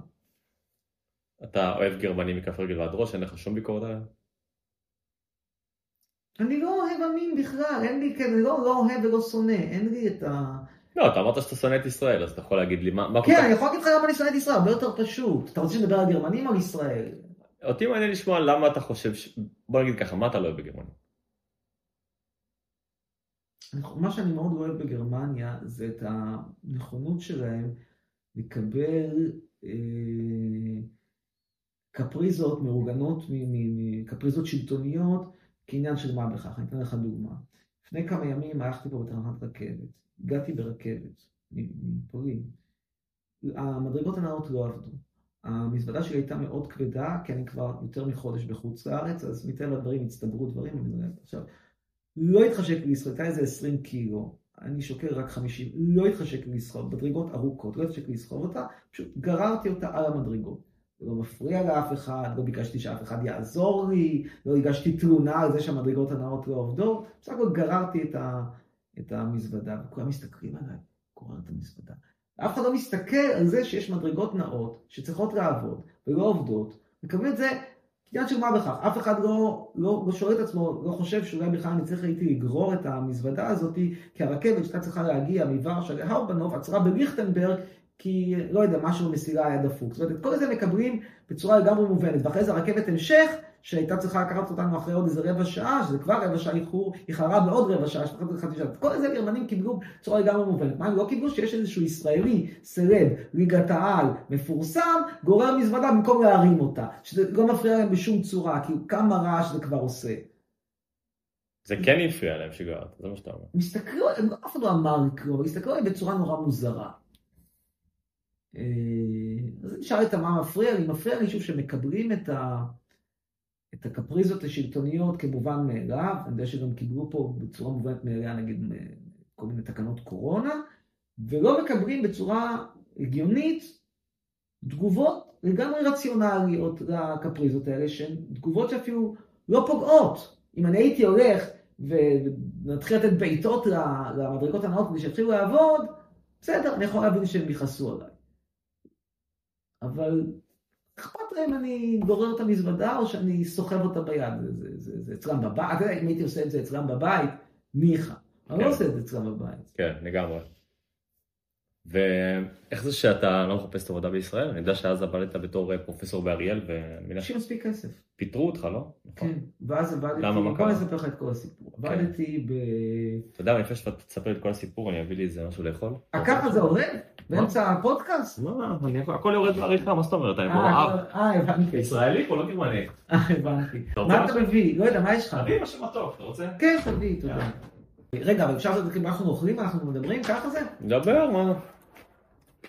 ככה. גם זה אותו דבר, מה זה הזוועות זה האלה? סתם עוגיה. אבל היא- גם היא מלוכה. אה, אתה לא אוהב מתוק ומלוך ביחד? אתה כאילו כמו מתנחל וחמאס ביחד, כאילו התנחלויות וחמאס ביחד באותו זה. ככה, לימדתי באריאל, ואני הייתי נגד ההתנחלויות. אוקיי? נגד הכיבוש. הם לא היו אוניברסיטה, אני הייתי כמעט הפוסטר, פוסטר בוי שלהם, ל- להיות נגד הכיבוש, נגד הזה, כאילו איזה, איזה חופש ביטוי, איזה יופי, חיים טובים. אריאל זה לא בשטחים? אני יודע שזה... שבשטחים. ודאי שבשטחים. שואל אותי למה לא הפריע לי, כן, אני יותר חשוב מאשר זה, כאילו, תחשוב, הבן אדם צריך להתפרנס משהו. אבל אתה אמרת בתחילת הפודקאסט הזה, אמרת לי, קראת לי צבוע, צביעות. זה לא צביעות? לעבוד במקום שאתה חושב שהוא לא מוסרי לעבוד בו? שאתה יוצא נגדו? אבו מאזן היה מוכן לשלם לי משכורת אם אני לא אעבוד שם? חצי משכורת, שליש, משהו, לא, כלום. אז שילך להזדיין. עכשיו, באיזשהו שלב, ברגע שהם קיבלו מעמד של אוניברסיטה, כבר לא היו צריכים יותר להעמיד פנים, נהיו מקום פשיסטי דיקטטורי מזעזע, והתחילו לרדוף אותי. כל פעם שהייתי כותב איזשהו מאמר, מעלה פוסט, אז מיד היו מזמינים אותי לשיחות ולדיונים. ואז בשלב הזמינו אותי לוועדת משמעת. ובסוף של הסוף של הסוף של הסוף, היה לי פשוט חוזה לשש שנים שמה. הייתה לי עוד שנה בחוזה, ואחרי המון המון התדיינויות משפטיות מפה ומשם, הם פשוט שילמו לי את המשכורת עד לסוף החוזה. בשנה האחרונה אני לא לימדתי. זהו. גם לא האריכו לי את החוזה, אי אפשר לכפות עליהם להאריך לי את החוזה. ו- אין להם- זאת אומרת, הם לא הצליחו, הם לא הצליחו, לזרוק אותי ולבטל את החוזה באמצע מצד אחד, מצד שני אני לא הצלחתי ל- לכפות עליהם להאריך את החוזה. ולמה... זאת אומרת, מאיפה התחילה להגיע כל האנטגוניזם? הרי בטח היית כותב דברים ברשתות החברתיות גם לפני שחתמת על החוזה, לא? לא היה אכפת להם. הם היו, אה, היו צריכים את ההכרה של המל"ג. קודם כל היו אוניברסיטה, הם היו צריכים להעמיד פנים של מקום ליברלי. הם לא יכולים להגיד, מפטרים מרצה, כי הוא נגד ההתנחלויות, ואחרי זה להגיד, תראו איזה, אנחנו אוניברסיטה ככל האוניברסיטאות. לא הולך. ואז לא היה לי שום מקום ל- ל- ריאלי לעבוד בישראל, מכל מיני סיבות, חלקן אגב בכלל לא תלויות בי. חלקן קשורות לזה שמקצוע התקשורת מת, מבחינה אקדמית. לא פותחים חוגים חדשים, פחות סטודנטים, הולכים ללמוד כולם היום מחשבים וסיעוד, אין פרנסה טובה. אז זה בעיה אחת. בעיה שנייה, אני הייתי ידוע בתור טראבל מייקר, ולכן היה מאוד קשה למצוא עבודה אחרת. וגם הייתי כבר מאוד בכיר מצד אחד, אבל לא ברמה של אה, דיקן. כלומר, לא, לא הייתי ברמה שנותנים לך משרה התחלתית של מרצה, אלא איך להיות פרופסור, אבל אין משרות ממש כפרופסורית. כלומר, או שאתה הולך להיות אה, מרצה מאפס, או מביאים איזשהו מישהו עם רקורד ניהולי, זה, ל- להיות נשיא מכללה. שאני אני לא הייתי שם וגם לא היו לוקחים טראבל לעשות את זה. למה לא בחו"ל? אז הלכתי לחו"ל באמת. איפה לימדת? ולימדתי שנה בשלוחה של אוניברסיטת ליברפול בסין, בסוז'ו, על יד שנגחאי, אה, וואו. איך היה? כמו במאדים, ואז אבא שלי התחיל להיות חולה, והיה מבוגר מאוד, ואני בן יחיד, והיה לנו גם פרויקט נדל"ן למשפחה בדרום תל אביב, רציתי להיות יותר קרוב אליו, ולכן לקחתי עבודה באוניברסיטה טורקית, טובה בפני עצמה, החוזה לא היה מדהים, אבל זה הסתדר מבחינת הלוקיישן מאוד. כלומר, שוב, בארץ, לכאורה בארץ היה הכי מסתדר, אבל בארץ לא היה שום דבר. אז טורקיה יחסית היה הכי קרוב, במיוחד שזה איסטנבול, יש טיסות כל הזמן. וככה הייתי על הקו של ישראל איסטנבול כמה שנים. אה, והגיעה הקורונה, התחלנו ללמד מ- מישראל, מה- מהזום, וכשרצו, כשנגמרה הקורונה, אז, אז היו שתי בעיות. קודם כל, בעיה אחת הייתה שהמערכת החוזה שלי היה בלירות טורקיות, והלירה הטורקית סבלה מפיחות נוראי, אז התחלתי עם משכורת של פרופסור, וגמרתי משכורת של פחות עם מזכירה. שנייה, בקוד עשיתי את זה מהבית ולא... אז בסדר, אבל ברגע אתה צריך להתחיל להיות בטורקיה, לעבור לעבודה, זו בעיה ראשונה.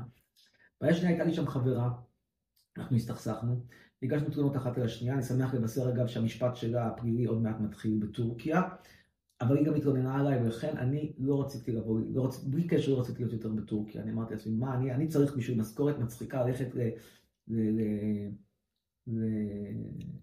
ללכת למצוא את עצמי בעימותים משפטיים בטורקיה, מה זה מצחיק, שמשכורת של מזכירה. כן. ועוד הצלחתי להוציא מהמשכורת בשנתיים, שזה בכלל לא נורמלי. וככה נגמרה הקריירה האקדמית שלי. העבודה הבאה שקיבלתי הייתה בווייטנאם, ועליה אני ויתרתי כבר. למה? כי אמרו לי, אתה נוסע לווייטנאם, זה היה סוף תקופת הקורונה, אבל שם הם עדיין היו מאוד קפדניים. אמרו, אתה שם את הדרכון בכניסה, שם את זה, מפקיד אותו באוניברסיטה, זהו, תקבל אותו בסוף הסמסטר. אמרתי, אם אני צריך לנסוע באמצע, אמרו, תגיש בקשה. זה. אמרתי, בעצם אני יכול להיות תקוע פה בווייטנאם. נכון. אמרתי, כן, אמרתי, אוקיי, אני מוותר, ובזה גמרתי את הקריירה האקדמית שלי. ואיך אתה מרגיש עם זה? מצוין. כן? לגמרי. זה לא היה חלום שלך לעשות לא. אקדמית? אולי לפני הרבה שנים, היום כבר לא. ממש לא. כל השנים האחרונות שלי באקדמיה היו בזבוז נוראי. זה שאני בזמן התקבלתי בבית ספר לרפואה וויתרתי על זה, לא בדברצן, באוניברסיטת תל אביב התקבלתי בבית ספר לרפואה. ויתרתי על זה, זה היה טעות בדיעבד. לעשות דוקטורט, בזבוז, אולי חוויה אינטלקטואלית זה נחמד, אבל מיותר לחלוטין מבחינה פרקטית. אני לא ממליץ על זה לאף אחד, אני לא ממליץ לאף אחד ללמוד את כל מדעי הכלום האלה, כל הקשקשת הזאת.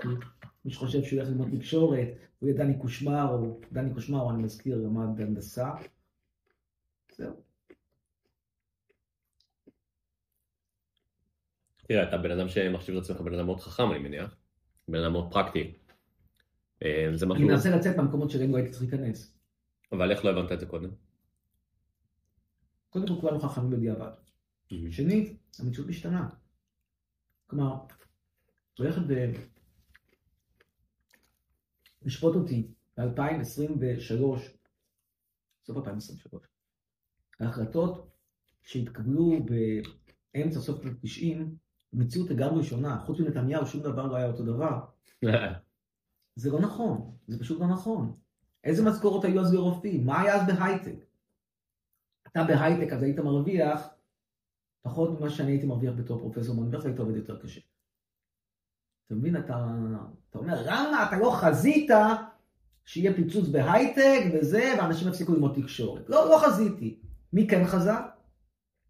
לא חזיתי, נכון. מעניין. בתקשורת, איך הגעת לזה? היית, ב, היית ב, בצבא, נכון? הייתי כתב צבאי. היית כתב צבאי. הייתי כתב צבאי, הייתי... נהנית בזה. כן, הגעתי לזה בעיקר כי אני, הייתה תקופה שאני נורא נורא אהבתי, היום כבר הרבה פחות, עבר לי לגמרי, אבל הייתה תקופה שמאוד אהבתי סדרות טלוויזיה אמריקאיות, ב-70's וב-80's, יש שם משהו מאוד uh, קסום ב... בפורמטיזציה שלהם, בזה שהן כל כך פשטניות, ואתה יכול מצד אחד לנחש מה יקרה בעלילה, מצד שני, לפעמים יש כל מיני ניסיונות כאלה קטנים ואמיצים לומר כל מיני דברים חריגים, וזה נורא נורא יפה. בקיצור, אהבתי את הדברים האלה. רציתי לעשות על זה מחקר, מתי אני עושה מחקר דוקטורט על נוסטלגיה. כי המחקר שלי כבר היה בסוף שנות ה-90, בעצם עשיתי אותו על דברים מה-70's ומה-80's. ואהבתי את זה, כן, אהבתי את זה, אהבתי אז, אהבתי את הפודיום, אהבתי את השואו-אוף, אהבתי את כל זה. ובהדרגה התחבר לי שאני כותב מאמרים ונלחם, יש כל מיני מלחמות אקדמיות על האם התיאוריה הזו נכונה, או התיאוריה הזו ההיא נכונה, שהן נורא נורא קטנות ולא חשובות. למה? לא חשובות כי אתה, אנחנו לא מדברים פה על uh, תרופות לסרטן, אלא מדברים פה בסך הכל על איזו שאלה האם uh, חשיפה לאלימות בטלוויזיה מגדירה את ה... את הנטייה לתת מכות בגן ילדים ב-2% או ב-3%, כן. כאילו זה לא, לא בדיוק סוף העולם לא ככה ולא אחרת, זה דבר ראשון. דבר שני, אה, מלחמות שהן אה, נורא נורא קטנות, כי מספר האנשים שנחשפים אליהן הוא אפסי. מאמר אקדמי שהוא סופר בסט סלר, כאילו ברמות על, עושה כמה אלפי, אה, נקרא כמה אלפי פעמים, זאת אומרת, זה פחות מאשר ציוץ כן. בטוויטר. כן. מאמרים בדרך כלל נקראים עשרות, מאות פעמים גג, אז מה זה חשוב? כן. מה אתה מבזבז על זה זמן? חיפשת חשיפה יותר גדולה. כן. אני עד היום רוצה חשיפה, אני מאוד, שמע, זה הדבר שאני הכי הכי אוהב. כן. האורגזמה הכי גדולה זה ספוטים של, של, של טלוויזיה. גם פודקאסט זה בסדר, אבל טלוויזיה, אני אולד סקול. בנות הצורה, טלוויזיה. ואתה חושב שאתה מגיע מספיק לטלוויזיה? לא. למה לא? זה כבר חלק מזה שיש לי נגד מדינת ישראל, כי ישראל מקפחת אותי. תראה, אני אגיד לך משהו שאני חושב ש... אגב, התחיל לקפח אותי כבר בשנות החמישים. אותך בשנות החמישים? בוודאי. בוא אני אספר לך. אוקיי, בוא תספר. תשמע. זוכר את ה... כמו שאתה היית פלסטינאי, אתה זוכר כן. שהיה פעם גרמנים גרו בארץ? מזמן. כן. אתה יודע שגירשו אותם. גירשו אותם? גירשו אותם. בגלל, כמו שעכשיו רוצים לעשות לפלסטינאים, בגלל שהם תמכו בחמאס, גם את אלה גירשו, כי הם הזדהו עם היטלר. כאילו, סליחה, נכון, לא טוב להזדהות עם היטלר. אז מה, אז אתה לוקח לבן אדם את הבית שלו כי הוא הזדהה עם היטלר? תגיד, איפה אתה חי? אם מישהו מזדהה עם איתמר בן גביר, אני אקח לו את הבית? ותאמין לי שאיתמר בן גביר יותר שמן. בכל מקרה, אז היו פה גרמנים. לסבא שלי היה עסק עם אחד הגרמנים. באיזה שנים אנחנו מדברים? 50? לא, איזה 50? מדבר איתך כרגע על שנות ה-30 המאוחרות. ב-40 המוקדמות מאוד. אז סבא שלך היה ציוני. סבא שלי עזב את פולין כי היה גרוע שם כלכלית, הוא לא שילם מס הכנסה בפולין בשנת 32, אוקיי? ואז ויזה לפלסטינה נחשבה יחסית אופציה טובה. והוויזה, אני מזכיר לך, הוויזה לשוודיה הייתה ויזה של תייר, אז הוא אמר פלסטינה ויזת משקיע עדיף. בקיצור, הוא מקים עסק למכירת עצים להעסקה עם איזשהו גרמני בשם הרקוך. יש להם עסק ביחד להעסקה. מוכרים עצים איפה? בתחנת הרכבת יהודית. שם הם מוכרים את הזה. מתחת שם, איפה שהיה פעם גשר מעריב, איפה שבית רובינשטיין, שם מוכרים עצים. היו ימים אחרים, ימים שבו אנשים, מילה הייתה מילה, עודף היה עודף, חשבונית הייתה חשבונית, ביחד יהודי ונאצים מוכרים, אה, מוכרים, מוכרים עצים להעסקה. עכשיו, היה, זה היה עסק משותף, כשהגרמני הביא את העצים ואת, ה, ואת הקרקע, וסבא שלי היה מוכר, והיה גם עושה קצת את, את העבודות הטכניות, היה חותך את העצים, וזה, אני לא יודע איך הם חילקו ביניהם את הרווחים. בכל מקרה, בינתיים החרב התהדקה על צווארו של הגרמני, והוא ידע שהולכים לגרש אותם, ולכן הוא חתם חוזה עם אבא שלי שהוא מוכר לו את הכל, והוא אומר, מה שאני אקבל אני אקבל. לא יודע אם אבא שלי שילם לו יפה או בעין לא יפה, אין לי מושג. והם הולכים לחתום על החוזה. באותו יום שהולכים לחתום על החוזה, יש בתל אביב גשם. מה קורה כשיש גשם בתל אביב? התחבורה, לא, התחבורה לא עובדת. יודע, כמו שאז, עד היום לא עובדת תחבורה. ואז אה, אה, אבא שלי, אבא שלי היה צריך לעזור לסבא, לקחת את העגלה, לנסוע שם, לחתום עם הגרמניה, אז נסעו בעגלה עדיין, לחתום על חוזה. ואז סבא אומר, עזוב, גשם, נלך מחר. מחר אין יותר גרמנים, מגיעים מחר אין, גירשו את הגרמנים. ואז סבא שלי נשאר על, על האדמה, עם חוזה שאומנם היה לו עם הגרמני, אבל הגרמני כבר איננו. טוב, fast forward. fast forward מגיעים למלחמת השחרור. מלחמת השחרור גירשו כבר הגרמנים כמובן מזמן גורשו, לא, לא, לא נותנים להם כמובן לחזור, ואז אה, מגיע פתאום מכתב לסבא שלי מהממונה על נכסי נפקדים, זה שמתעסק באותו חוק, חוק של נכסי נפקדים, אותו חוק שדופק את הערבים, שיוסוף חדד אומר איזה יופי שלקחו את האדמה, אפשר לקחת עוד, עוד, עוד, עוד, עוד, יש לי עוד איזה משהו קטן, קחו, קחו גם אותו איזה חוק? איזה חוק? חוק נכסי נפקדים. שזה מה? חוק שבא ואומר שמי שלא היה על אדמתו בתאריך מסוים ב-1948 מאבד אותה. אה, זה מה שקרה בעצם שחילק, זה מה שחילק ערבים לערבים ישראלים וערבים לא ישראלים. לא, זה, לא? זה שדפק ערבים באופן כללי, דווקא, כמובן גם ערבים לא ישראלים, אבל גם ערבים ישראלים נדפקו, כי אם יש ערבי ישראלי שבאותו תאריך ב-48, נגיד הוא היה גר באופן, בשוטף, הוא היה גר בכפר בגליל, אבל בגלל המלחמה הוא הלך אה, לחפש מחסה בנצרת או, ב, או, ב, או, ב, או בחיפה, ואחרי זה חזר, הוא איבד את הרכוש שלו, שעליו הוא לא היה. עכשיו, לכאורה גם יהודי, רק שאין אף יהודי ש, ש, ש, שבאמת נדפק מזה, חוץ מאיתנו. מי שנדפק מזה זה ערבים וטיפונת גרמנים. בקיצור, ככה הגרמני איבד סופית את רכושו. ואז מגיע מכתב לסבא שלי ואומר, תבואו לדבר על ה... אנחנו הולכים לקחת לכם את הרכוש, כי חוק נכסי נפקדים, כדי שאצלם זה מופיע כשייך הגרמני, כי לא הספיקו לחתום להעביר את החוזה בטאבו, למה? כי היה גשם וגירשו את הגרמנים. ואז סבא שלי האידיוט לא ידע להשתמש בקונדום, והוא הביא עוד ילד לעולם בגיל 45 או 46. והילד הזה, מכיוון שאתה מביא את הילד בגיל 45, אתה לא יודע איך לחנך אותו, והילד הזה לא היה עדיין תשדירי, תשדירי זהירות בדרכים בטלוויזיה, שהאלכסון הוא אסון, ולא רודפים אחרי כדור לכביש, כל הדברים האלה לא היה. ואז הילד הזה, יוסי, רץ באלכסון לכביש כדי לתפוס כדור, מת, וסבא שלי הפך לאבא, לאבא שקור לילד בן חמש. ואז אבא שלי מגיע הביתה מה, מהצבא, בהיותו בצבא הכיבוש, ושואל את סבא, נו, יש מכתב, הרי יש מכתב דואר רשום, מה עושים? ואז מה סבא אומר? יוסי, יוסי, יוסי, יוסי. אבא שלי אומר עזוב אותך, יוסי שמוסי, יש פה אדמה, רכוש, מה עושים עם זה? הוא אומר, לא יודע, תעשה מה שאתה רוצה, אני אעבר על יוסי. טוב, אבא שלי הולך לממונה על חוק נכסי נפקדים, לדבר איתו על האדמה. מגיע אל הפקיד בחוק נכסי נפקדים, פקיד מפא"יניקי גנב רמאי, כמו שרק הפקידים במדינת ישראל יכולים להיות, ותאמין לי שאם אחרי זה יהפוך את זה לפקידים ימנים, זה יהיה אותה זוועה, מכיוון שהם כולם רמאים, כולם מטרתם לקחת ולדפוק אנשים כמוני, אנשים שהם מחוץ לממסד, אנשים שלא רוצים להזדהות עם כל האידאל הציוני. ואז אומר לו אותו אחד, תקשיב, פה יש לך אדמה של נאצי, אני הולך להאשים אותך עכשיו בשיתוף פעולה, אני הולך להאשים את אבא שלך בשיתוף פעולה עם הנאצים. הדרך היחידה שלך לצאת משיתוף פעולה עם הנאצים, זה שאתה חותם עכשיו שאתה מוותר על ה... יואו, באמת? מוותר, על, מוותר על המגרש, זהו. אז אתה לא שותף פעולה עם הזה, אתה, לא- היה, היה, היה עסק של נאצי, אתה לא בעסק. תחליט מה שאתה רוצה. אתה רוצה, או שאני מאשים אותך בשיתוף פעולה עם הנאצי. חוזר אבא שלי, אבא שלי מבין שצריך לקחת כנראה עורך דין להתמודד עם זה. אז חוזר לאבא שלו, עדיין לסבא שלי, שואל אותו מה עושים, מה עושים, מה עונה לו סבא, אתה חושב? לא אכפת לי. לא, יוסי, יוסי, יוסי, יוסי, יוסי, לא, כן. לא, לא מבין שזה כאילו כן. יוסי, יוסי זה, זה, זה פס טנס, עכשיו יש לנו פרזנט, אבל סבא שלי לא, לא הבין את זה. כן. ככה הלך המגרש. מדינת ישראל דפקה, דפקה, דפקה אותי, איבדתי את המגרש מול בית מערי, איפה שתחנת הרכבת שהיא יהודית, איפה שמגרש, איפה שמגדל רובינשטיין. איך את חושבת שאני יכול להיות ציוני? בזין אני אהיה ציוני, אני מתעב את המדינה הזאת תיעוב עמוק, אני אתעב אותה כל ימי חיי. אני אתעב כל ימי חיי מדינה שלקחה לי את הרכוש, כי בעיניי רכוש זה הדבר הכי קדוש. ומדינה שלוקחת את הרכוש, מבחינתי אין לה זכות קיום. נקודה, ואני אומר את הדברים בצורה הכי ברורה. מדינה שלא יכולה לשמור לי על הרכוש, מה, מה אני צריך אותה? לוקחת לי, מפקיעה לי את הרכוש, עושה לי כל מיני טריקים, משקרת משקרת, אה, אבא שלי היה בן 17, 18, 19, משקרת אה, לילד בן 19 כדי, אה, כדי להפקיע רכוש. גועל נפש, דוחה, זה הציונות בגרסה הכי גרועה שלה. קו ישיר עובר משם לאותם קלגסים של בן גביר שהולכים וחוטפים איזושהי זקנה מקלקיליה בגלל שהיא העזה לתלות פוסטר שממנו אפשר להבין שהמלחמה הזאת היא לא תומכת בישראל. מה לעשות, פלסטין מקלקיליה לא תומכת בישראל. אז אתה הולך ואתה חוטף אותה מקלקיליה, היא לא אזרחית ישראלית.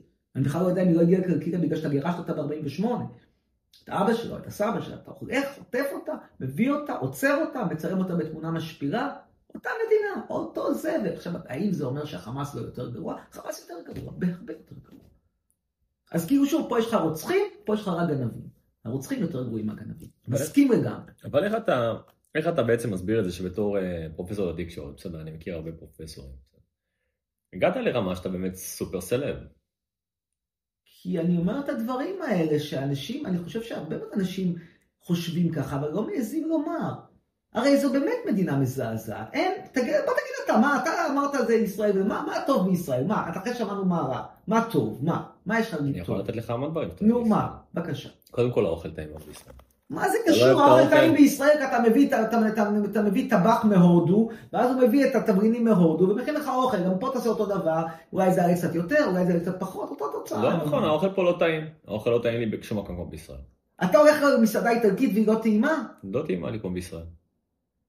בסדר, אוכל סבבה, לא טעים לי כמו בישראל, אוכל בישראל ממש טעים. אתה שואל אותי שאלה, אני לא אומר לך שהסיבה היחידה לגור שם. אני לא, לא יודע, אני לא אומר שאוכל השווארמה בישראל. בישראל לא טעימה לך? לא אוכל בשר. אתה לא אוכל בשר בכלל? לא. פלאפל לא טעים לך? סביח לא טעים לך? הפלאפל בישראל, פה זה גרמניה, אתה רוצה שהפלאפל של גרמניה יתחרה בפלאפל של ישראל? תשים נקניקיות פרנקפורטר פה, נקניקיות פרנקפורטר שם, מה אתה, אתה, הם לא מת- לא מתמחים בפלאפל. האוכל פה לא טעים בשום צורה, בשום- זווית, כאילו, זה לא קשור לבשר, חלב ו... לא הייתי כבר במסעדה איטלקית, היה מאוד בסדר. בסדר, זהו, היה מאוד בסדר, זה בדיוק ההגדרה, אהבתי את ההגדרה, מאוד בסדר. נו, אוקיי, בישראל, עוד? בישראל שאתה אוכל ביסה, אתה, אתה מאוד נהנה. בטח שאתה נהנה, אתה גם אחרי זה, אתה, אתה, זה כמו, כמו המח, המ- המתוק עם המלוח שלך, אז, אז בוא, הנה, זה המצלמה, המתוק עם הלוח. אז, אז באותה מידה, אתה בישראל זה שחוק ודמק, אתה מצד אחד מאוד נהנה מהאוכל, מצד שני אתה יודע שהחשבון יגיע עוד מעט, והוא יהיה 500 שקל לזוג. תראה, אם אני אוכל סביח ב-30 שקל, זה לא 500 שקל לזוג, זה עדיין טעים רצח. פעם אחת אתה בסביח השרון? אוקיי, לא. סביח, מה עוד? המון דברים. מה? מזג אוויר אחלה. מזעזע.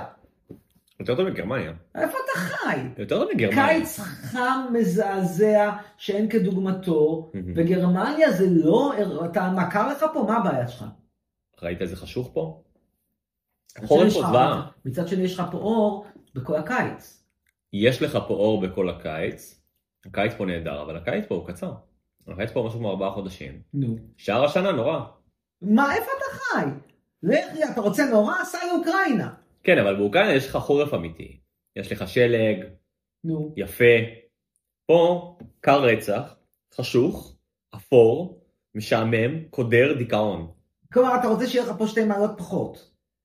אני רוצה שיהיה לי פה אווירה יותר נעימה בחורף שהיא לא דיכאונית בטירוף.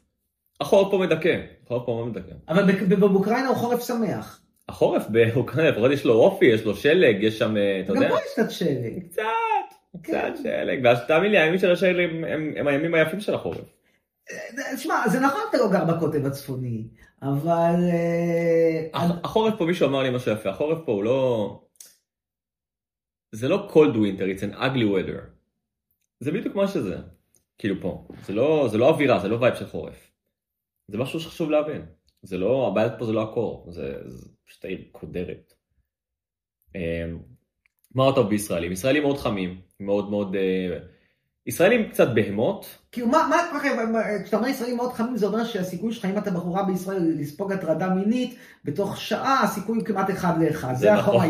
זה החום הישראלי. זה נכון, זה אתה נכון. ראית פה כמה פעמים אתה תראה פה מישהו שהוא לא שהוא גרמני שיגש לאיזושהי בחורה בתחנת רכבת או, ב, או, ב, או, ב, או, ב, או בבית קפה, ויתחיל להטריד אותה בכל מיני שאלות. הסיכוי הוא אפסי. הסיכוי הוא אפסי, הסיכוי הוא אפסי, אני מסכים איתך. אם מישהו יבוא זה רק, הולך... רק, רק ישראלים מנתניה. אתה יושב הולך לחסרונות, אבל תן לי לסיים את היתרונות. נו, מה היתרונות? אוקיי.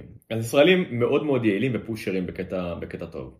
כל הזמן, המחשבה היא כל הזמן לייעל, לייעל, לייעל. אני אתן לך דוגמה, בסדר? כן. עכשיו הייתי בארץ, בסדר? והייתי בעבודה ושיחת מסדרון. מדברים על מילואים, הם מגייסים כל כך הרבה מילואים וכולם במילואים וזה לא יעיל וזה לא פה וזה לא שם.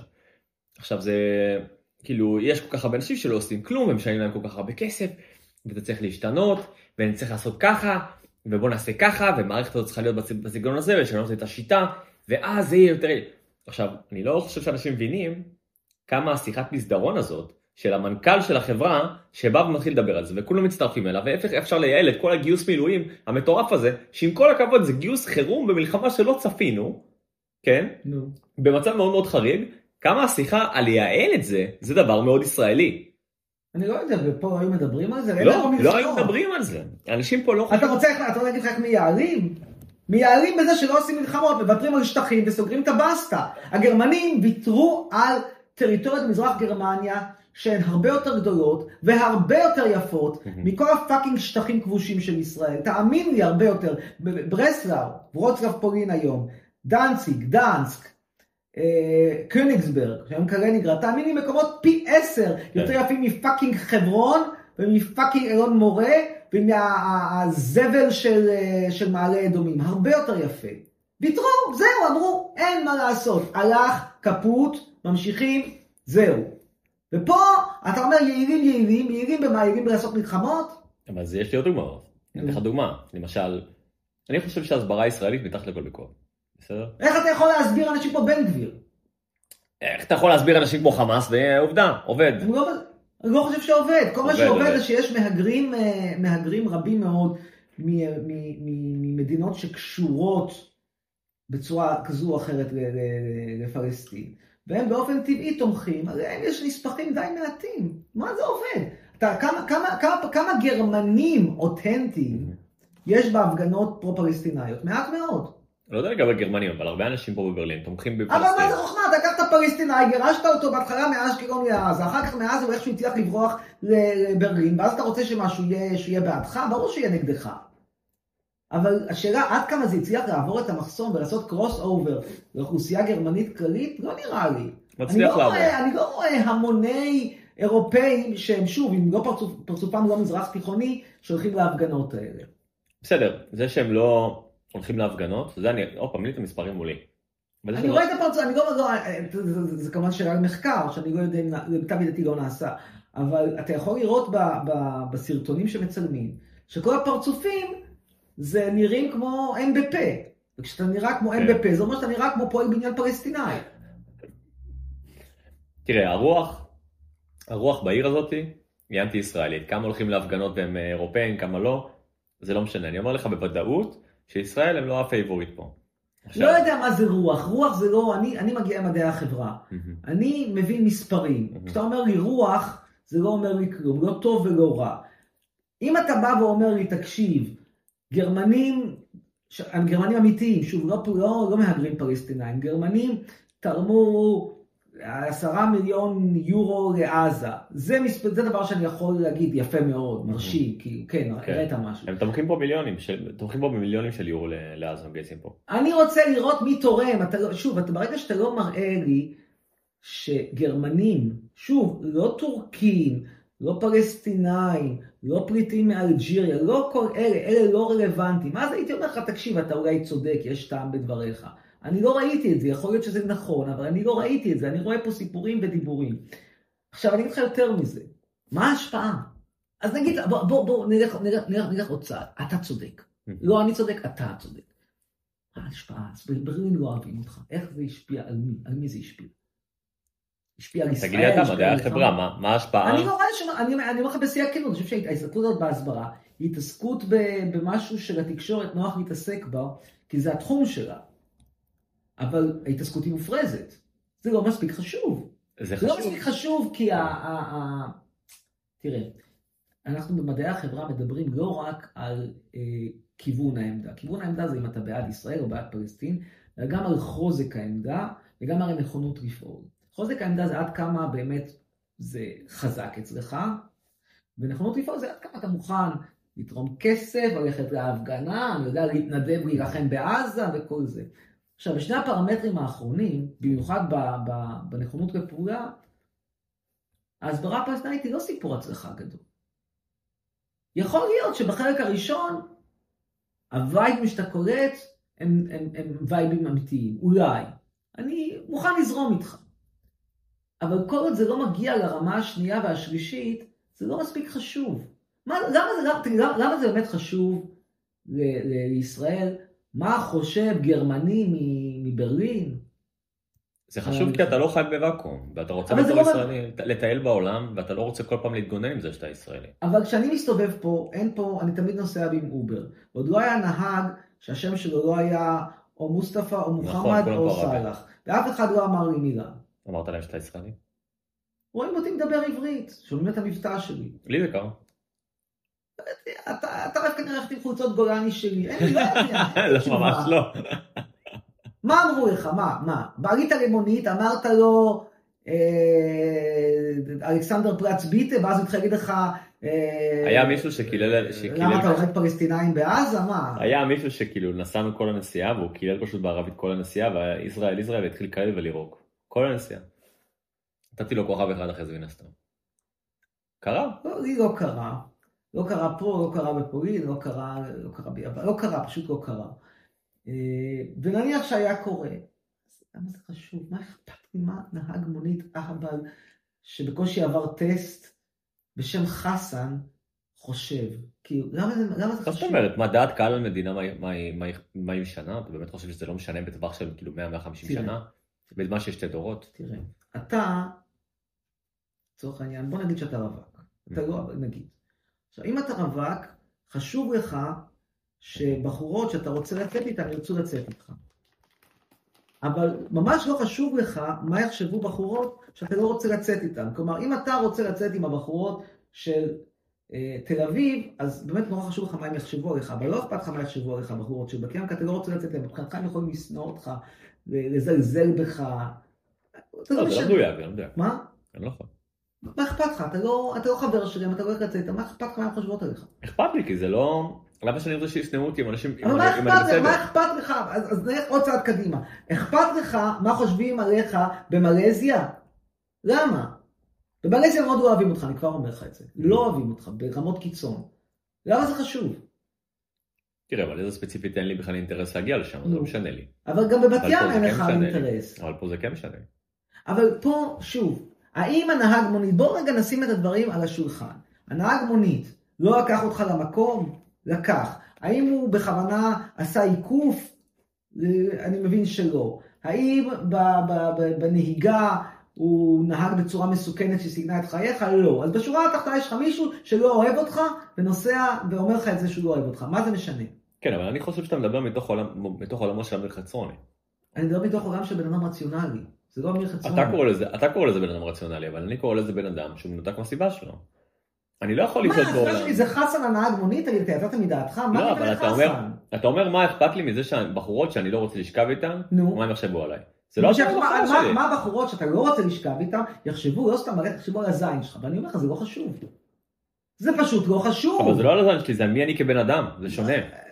גם לא, גם אז לא חשוב. אני בכלל, אני הקצנתי את זה כי, כדי, כדי שהדוגמה תישמע יותר קולעת, אבל גם במי שאתה קורא, זה פשוט לא חשוב. זה, אני לא אומר לך ש... ש, ש אה, לא יכול להיות שהן שונאות אותך, יכול להיות. לא אומר לך שלא יכול להיות שהן מזלזלות בך, יכול להיות. אני רק אומר לך, זה נורא לא חשוב. אני חושב שאכפת לי היום, היום, לי חצרוני, מה חושבים עליי באוניברסיטת הכיבוש באריאל, שאני לא הולך ללמד? לא. אבל זה כן חשוב לך בתור מדינה. שבה יש לך דור צעיר נו. ששונא אותך וחושב שאתה רע. והדור צעיר הזה כן הולך לשהות בעתיד באיך רוח הפוליטי. אז הנהגי מונית החסמים שינהגו, יביאו אותם מהשדה תעופה למלון, יעקמו את האף. אז מה? כמה זה חשוב שהם יעקמו את האף או לא יעקמו את האף? אני חושב שהגישה הזאת של היהודים, בסדר, אני באופן כללי, בוא נלך שנייה אחורה. אני חושב שאין, זה לא בטעות שיהודים התעללו בהם כל, לאורך כל ההיסטוריה וגירשו אותם ורצחו אותם ועשו להם וכל פעם היה פוגרומים נגד יהודים. והסיבה שהגישה של יהודים, אני חושב שהיא מאוד מייצגת את הגישה שלך כרגע, שלמי אכפת מה הם חושבים, אנחנו נעשה מה שאנחנו רוצים ויהיה בסדר. גם ככה אין להם השפעה. לא אכפת לא לנו מה אנחנו חושבים. לפעמים זה נכון, מה לעשות? זה יכול להיות נכון נקודתית, אבל אני חושב שההיסטוריה אה, מספרת לנו שכן, יש לזה השפעה לזה שאנשים שונאים עליך, וזה בסוף יבוא למעשים. אני חושב שיש לנו בעיה ביהדות שמאוד קשה to identify with us. קשה להזדהות איתנו. זה דת מגעילה. דת מגעילה. בסדר, אבל שנייה, לפני... דת, לא, לא, בוא נגיד את לא, האמת. לא, לפני שהיא מגעילה. דת אכזרית, דת מבודדת, דת שמבודדת את עצמה, עם אוקיי. מנהגים מגעילים, עם כל מיני OCD מטורפים של אה, לא ללבוש שעטנז, ולא לחתוך נייר טואלט בשבת. בוא נגיד את האמת, יש לך פה עסק בהשוואה, אני משווה את זה נגיד... אבל אתה מתחמק. לנצרות הלותרנית. אני אומר, איזה כיף זה לותרנית, ואני לא בן אדם מאמין, אבל אנשים שכל שאיפתם זה לחסוך, להודות לאלה שהם חוסכים ועובדים קשה, פה ושם נותנים תרומות, איזה יופי. ואני שוב, אני לא בן אדם מאמין, אבל זה אחלה דבר. ואני רואה את היהדות, אנשים שכל שאיפת חייהם זה לא לאכול בשר עם חלב. אתה משווה את זה ללותרנים, זבל, פשוט זבל. בוא נניח שזה, אתה מתחמק. לא חוזר, אנחנו חוזרים לנקודה של האם זה משנה או לא משנה. ואני אומר לך, שכל החוסר הזדהות הזאת, נו. וכל ה... זה משפיע באמת על יהודים בבני ברק שלא מזדהים איתו? אני חושב שלאורך ההיסטוריה, הפוגרומים האלה, או הגירוש הזה, או כל ההתעללות הזאת ביהודים, קשורה לזה שאנחנו שמים זין מה חושבים עלינו. וזה בעיה עמוקה לאורך זמן. אבל זה, אבל אתה שוכח לא את הקונטקסט, אבל אתה, שוכח, אתה, אתה אומר משהו שאולי נשמע על פניו הגיוני, ואולי יש בו אפילו איזשהו שמץ של אמת, אבל אתה מתעלם מהקונטקסט הכללי, והקונטקסט הכללי הוא שישבה פה חבורת אנשים, תקועה לך במרכזי אוכלוסייה נוצרית, והתעקשו לחיות אחרת, והתעקשו להתבדל, והתעקשו עם כל המנהגים המוזרים האלה, ואז לא אהבו אותם. שזה שונה לחלוטין מזה שאתה הולך היום ולוקח מונית עם חסן, זה לא דומה בכלום. אה, אין לך פה היום, אם אין לך פה, אם היו מקימים את בני ברק בברלין, אני מניח שיכול מאוד להיות שלא היו אוהבים אותם, כמו שהם לא אוהבים במיוחד אה, ריכוזי אוכלוסייה של מהגרים טורקים. אתה מבין? זה ה... יש פה הבדל עצום, אתה, אתה, זה גם שוב, חוזרים לך את הסיפור של עזה. כן. במלחמה מול ישראל מלחמה, אז מי צודק? ברור שישראל צודקת, ברור שישראל חד משמעית צודקת במלחמה הזו מול חמאס. לך זה ברור או להם ברור? לי ברור. אבל כשאתה שואל אותי, בוא נסתכל על הדברים בקונטקסט הרחב יותר. האם אני יכול להבין מאיפה בא המרמור הפלסטיני, שהוא לא מצדיק כמובן את מה שהם עשו בשום צורה. האם אני יכול להבין שיש פה איזשהו, פחות אגב בעזה, יותר בשטחים. אה, כי בעזה בכל זאת, כאילו הייתה החלטה שלהם בצורה כזו או אחרת לבחור בחמאס, אבל נגיד בשטחים שלא, יש לך רשות פלסטינאית אפשר לדבר איתה, ואנחנו מחליטים לא לדבר איתה. אז אם אני יכול להבין מאיפה מגיע המרמור ומאיפה מגיע הטינה והשנאה, ולהגיד וואלה, אני במקומם הייתי כנראה מרגיש אותו דבר, כן. כן. לפי מה אתה אומר שאפשר לדבר איתה, ומה זאת אומרת אנחנו לא מדברים איתה? פשוט זה לא חמאס, פשוט לא אותו דבר. לא, אבל לפי מה אתה אומר שאנחנו, מה אנחנו צריכים לדבר איתה שאנחנו לא מדברים איתה? תראה, היה פעם דבר כזה שנקרא תהליך אוסלו. כן. תהליך אוסלו, אפשר להגיד ששני הצדדים הפרו אותו. נכון. אבל זה שגם... תשאלי רקע, איך שנינו הפרנו אותו? אני לא עד כדי ככה... הפלסטינים הפרו אותו כי היו פיגועי התאבדויות, היו כל האוטובוסים, אין ויכוח, זה הפרה. ואנחנו פשוט הצדקנו, הצדקנו. אמרנו, זהו, מה, מה שעזה ויריחו תחילה, יצאנו ממרכזי הערים וזהו. היה צריך להגיע עד 98 להסכם סופי, והיינו צריכים עכשיו לחגוג 25 שנה למדינה פלסטינאית עצמאית שחיה בשלום ומפורדת, וזה לא קרה. עכשיו, זה נכון שהפלסטינים, הפיגועים האלה זה לא היה חלק מה, מהתהליך, אבל האם זה היה נכון או חכם מצידנו לשבור את הכלים ולהגיע לאיפה שהגענו היום? התשובה היא לא, בעיניי. זה אינטרס שלנו להגיע לשלום איתם. כי אם אתה לא תגיע לשלום איתם, אז לאורך זמן זה יביא אותך ככל הנראה למדינה דו-לאומית שהיא אסון. אסון, אסון, אסון, אסון. אז אתה נגד מדינה דו-לאומית. אוקיי, זה חדש לי, אני חשבתי שאתה כאילו אנטי ציוני ואתה חושב שמדינה יהודית זה דבר לא נכון. מדינה דו-לאומית זה דבר מזעזע, הרבה יותר מאשר מדינה יהודית. הכל יחסי, אמרתי, אמרנו כבר שישראל יותר טובה מחמאס בהרבה ופחות טובה משוויץ. עכשיו, אותו דבר, את שואלת אותי מה עדיף מדינה יהודית או מדינה דו-לאומית, התשובה היא מדינה יהודית עדיפה על מדינה דו-לאומית. לא שמדינה יהודית זה הקוסטי שלי, אבל אם שואלת אותי מה עדיף, כן. אז מה היית משנה? בוא נעשה דבר כזה, אם היו נותנים לך את היד על השלטר, ואתה אומר א', ב', ג', ד', וזהו, ואני מרוצה. מה עושים? קודם כל אין מה, יש כרגע מלחמה שיש עליה קונצנזוס כמעט מוחלט שצריך לגמור אותה בניצחון מול חמאס. שוב, הקונצנזוס נגמר לטעמי ברגע שמתריעים כל מיני רעיונות על פתרון סופי לבעיית עזה, עם, עם נכבה 2 ועם פינוי העזתים למצרים, פה, פה הקונצנזוס נגמר, אבל בהנחה שבעיית המלחמה נגמרה, אני הייתי בונה את ישראל כמדינה אירופאית בסוגה, מבטל את כל החוקים האלה שנותנים תעדוף לכל מיני יהודים, נכדים בסבתא יהודייה מהעצים באתיופיה ומה... מה זה אומר? מה? מה זה אומר בפועל? אין חוק השבות. אז מה, אז למי מגיע? פשוט יש חוק הגירה. היה לך 75 שנה להגר לישראל על בסיס היותך יהודי. ניצלת טוב, לא ניצלת, קח עוד חצי שנה אחרונה גרייס וזהו, ביי, גמרנו. מה, לא שדרת, אתה, אתה קנית וורד 2003, אז יש לך עדכון ועדכון ועדכון ועדכון, ובאיזשהו שלב בשנת 2019 אומרת מייקרוסופט, אני יותר לא מעדכן, אתה רוצה תקנה את התוכנה החדשה, לא רוצה תישאר איתם ותתקעו את. מה זה, אתה תמיד תיתן לבן אדם לעלות לישראל כי יש לו סבתא יהודייה? זה לא הגיוני. זאת אומרת, מי, שר, מי שרצה מהסיבה הזו, הייתה לו את האופציה, מי שלא ניצל אותה, יגיש בקשה מיוחדת. ומה זה יעזור עכשיו? שואל אותי מה הייתי עושה אחרת. לא, אבל מה זה יעזור? למה אתה חושב על זה? אני לא רוצה הגירה ענייה, מהגרי עבודה עניים עם סבתא יהודייה. פשוט לא רוצה אותה. ואתה חושב שזה לא, לא יבוא מאירופה, לא יבוא מארצות הברית? הם יוכלו להיכנס במסלול כלכלי, עזוב. הבנתי מה אני לא רוצה, לא רוצה להביא לישראל הגירה ענייה. אני בכלל סוגר את הדלת, יש ישראל מדינה צפופה מאוד, והדבר האחרון שצריך עכשיו זה גידול אוכלוסייה נוסף מבחוץ, בטח גידול של אוכלוסייה ענייה. פשוט כל הדבר הזה, אני חותך, חותך, חותך, חותך, חותך. אחד. שתיים, משנה את המדיניות למינימום, חותך בצורה דרמטית את כל הסל הסוציאלי ואת כל התמיכות. אני לא רוצה לתמוך לא בחרדים, ולא במתנחלים, ולא בקולנוע הישראלי, ולא במקוואות. לא רוצה לתמוך בכל הפרזיטים האלה, בכל אחרי החינם, בכל האומנים מטעם עצמם ורבנים מטעם התורה. רוצה להיות רב? לך תעבוד, או שיש לך ירושה, לא מעניין אותי, אני לא אממן אותך. לא אותו, ולא את הבמאי קולנוע, ולא את מישהי שרוצה טיפול הפריה לילד שלי. סליחה, כאילו רבאק, יש לה פנטזיה על ילד שני, ואני צריך לממן את הפנטזיה הזאת? תגיד לי, זה נשמע לך נורמלי? היא לא רוצה לעשות את זה עם גבר, רוצה לעשות את זה בהפריה, ואני אממן. כאילו שתעשה איך שהיא רוצה, ולמה שאני אממן? למה אני? כאילו, מה אני עשיתי רע? איך זה מגיע ממני? איך אני קשור? זה מטורף, אתה לא מבין שזה מטורף לגמרי?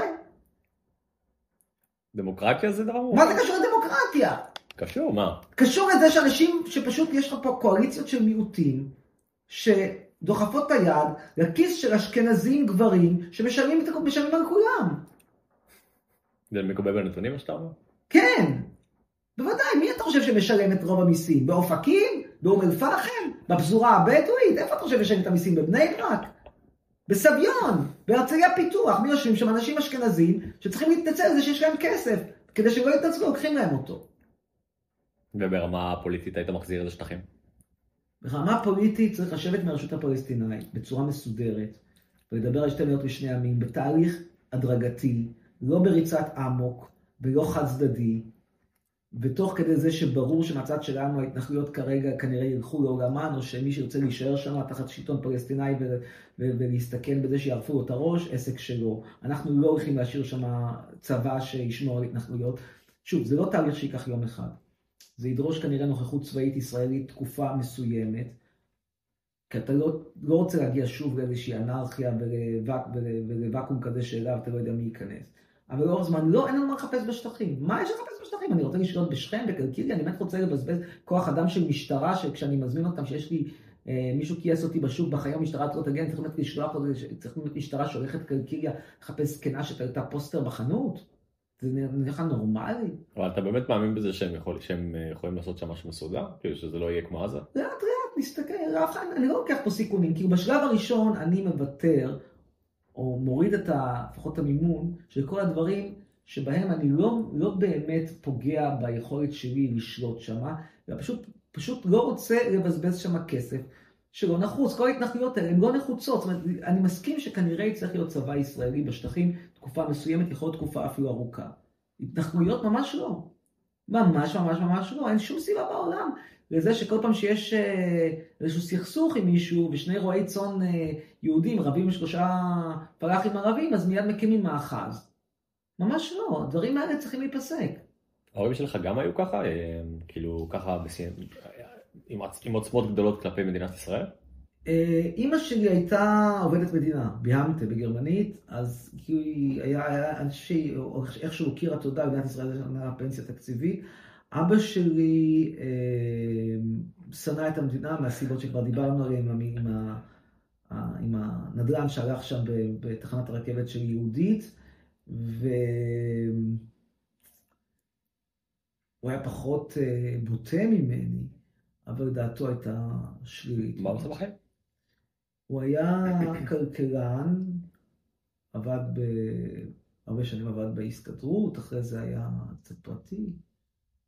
ייעוץ, פיתוח נכסים, כל מיני, לא, לא משהו ספקטקולרי. אתה בן יחיד? כן. אני זוכר אבל באיזשהו מקום ששמעתי, שאמרת שיש לך משפחה מאוד עשירה. מאיפה הגיע כל הנכסים? מדובר ב... קמצנים. מה זאת אומרת? באיזה רמה קמצנים שאתה יכול להתעשר מלעבוד בהסתדרות ולעבוד בכבוד מדינה? אתה נוהג בלי מזגן כדי לחסוך בקיץ? וואו. זה קמצן רציני. רמה גבוהה מאוד מאוד. כן. כן. אבא שלי מאוד היה אוהב לפתוח חלון, אני אצא המזגן, אתה יודע מה, עזוב, עזוב, תפתח חלון. הוא גם, היה תמיד אומר, למה צריך לקחת את האוטו, אפשר לנסוע באוטובוס, יש חופשי חודשי באזור לפנסיונרים. וואו. זה היה האיש. רמה גבוהה מאוד, וואו. כן. כמה, מהמשכורת שלו היה חוסך? מה זה 90 אחוז? משהו כזה. לא, הבן אדם באמת היה מתקמצן על, קטנה כבחמורה. וואו. איזה, איפה גרתם? במרכז תל אביב. אה, אוקיי, סבבה. כן. גם... גם אז היה נחשב יקר או מה? פחות. כלומר, היה גם פה בחירה נכונה של נדל"ן, היה פה בחירה נכונה של נכסים. ובאיזה בית ספר למדת? אה, תיכון או נעי תיכון. עירוני א'. עירוני א', אה, נו, אוקיי. ושם היה לך קשה בתור, היית, היית, לפי מה שאמרת, בגיל 12 כבר היית כן, נגד מלחמת לבנון? לא נורא, כלומר, היה... היה תקופה מסוימת, מלחמת לבנון שהיה באמת לא נעים, מאוד לא נעים, ואחרי זה התרגלו, קיבלו אותי, אבל אני לא הייתי... אה, אני לא, אני לא הייתי מיוחד, ואני אני לא, אני לא הייתי מקובל ואני לא הייתי מוחרם, אני הייתי כאילו מפלגה, סיעת יחיד כזה ב, באופוזיציה שעושים לה כבוד. לא, גם, גם רוב הדברים שהם אהבו, זה לא דברים שאני אהבתי, כלומר, לא אהבתי ספורט וכדורגל, לא אהבתי מועדונים. אז גם לא כל כך מה להחרים אותי, כי אם אני מלכתחילה לא אוהב את זה, אז אתה יודע, אתה יכול להחרים בן אדם שהוא רוצה לעשות כן. משהו. עד היום אגב אני לא אוהב. אומר לך, מכל הפעמים שהייתי, שהייתי בברלין, ביקור 50, לא הייתי פעם אחת במועדון. לא אוהב מועדונים, לא אוהב כזה, אני קצת כמו אבא, כמצב כזה. לא אוהב מועדונים, לא אוהב קזינו, לא אוהב בטן גב, לא... מה אני אוהב? מה אתה עושה, מה אתה נהנה, חוץ מלדבר על פוליטיקה? אני אוהב לטייל, אבל אני אוהב לראות uh, אטרקציות שהן uh, בדרך כלל פחות הומות אדם, יותר חריגות, פחות uh, סטנדרטיות. כל הקטע של... Uh, אני לא אגיד לך ש... תשמע, אני, אני לא יכול להגיד שאני לא הדוניסט אם אני, אם אני לא עובד וחי, אבל זה בעצם הדוניזם מסוים, אבל אני לא אוהב את ההדוניזם לשמו. אין, אין לי עניין במסעדת משלן שלושה כוכבים, אין לי עניין, שום דבר, בגד אצלי זה לא בגד מעצמי, הדבר הזה קניתי אותו באיזה אלי אקספרס ב... לא יודע, 50 שקל את החולצה הזאת, מכנסיים עלו לי 70 שקל. לא תמצא אצלי שום דבר שהוא דיזיינר. אז מה אתה עושה עם כל הזמן החופשי שלך עכשיו? טיילתי עכשיו הרבה מאוד. אבל מתי בעצם הפסקת לעבוד? כבר כמה שנים, לא? לא, לא המון. אה, הפסקתי להרצות בקיץ 2021. הבנתי אותך, זאת אומרת... אז היה, אתה יודע, זה לא, אתה יודע, פתאום קורים כל מיני דברים פה, אתה צריך, היה תקופה שהייתי קצת... הייתי עסוק קצת עם איזשהו פרויקט נדל"ני בדרום תל אביב, שבעצם השתחררתי ממנו לפני כחצי שנה בערך, משהו כזה במאי-יוני. אז ישב כבר איזה חצי שנה כזה מחפש, בלי שהגעתי לאיזו החלטה אה, ברורה. ומעניין אותך מאוד להגיע לטלוויזיה. שני דברים אני רוצה. למה? כאילו הדבר שאני הכי הכי אוהב לעשות זה סאטירה פוליטית. סאטירה פוליטית בפריים טיים, באולד מידיה, לא... מה זה סאטירה פוליטית? מה זה אומר? תן לי דוגמה כמו איזה תוכנית. תוכנית שאני אוהב? כן. אה, מדינת היהודים. אה, אוקיי, רמה גבוהה. אני הייתי שם דמות, הייתי שם דמות. אה, יפה. מה שלא קורות חיים. כן, הייתי שם דמות בעונה הראשונה, באחד המערכונים. אמ, אז למה אתה לא עושה את זה? הרי אתה יכול לעשות את זה גם לבד. זה זיכרון חברתי. זה לא רק הון כלכלי. אין לך הון חברתי. אתה מאוד מקובל. לא אצל האנשים הרלוונטיים, אני לא אדם מאוד מקובל אצל מפיקות טלוויזיה שמנות שלא שמעו על המצאת השעווה. זה לא...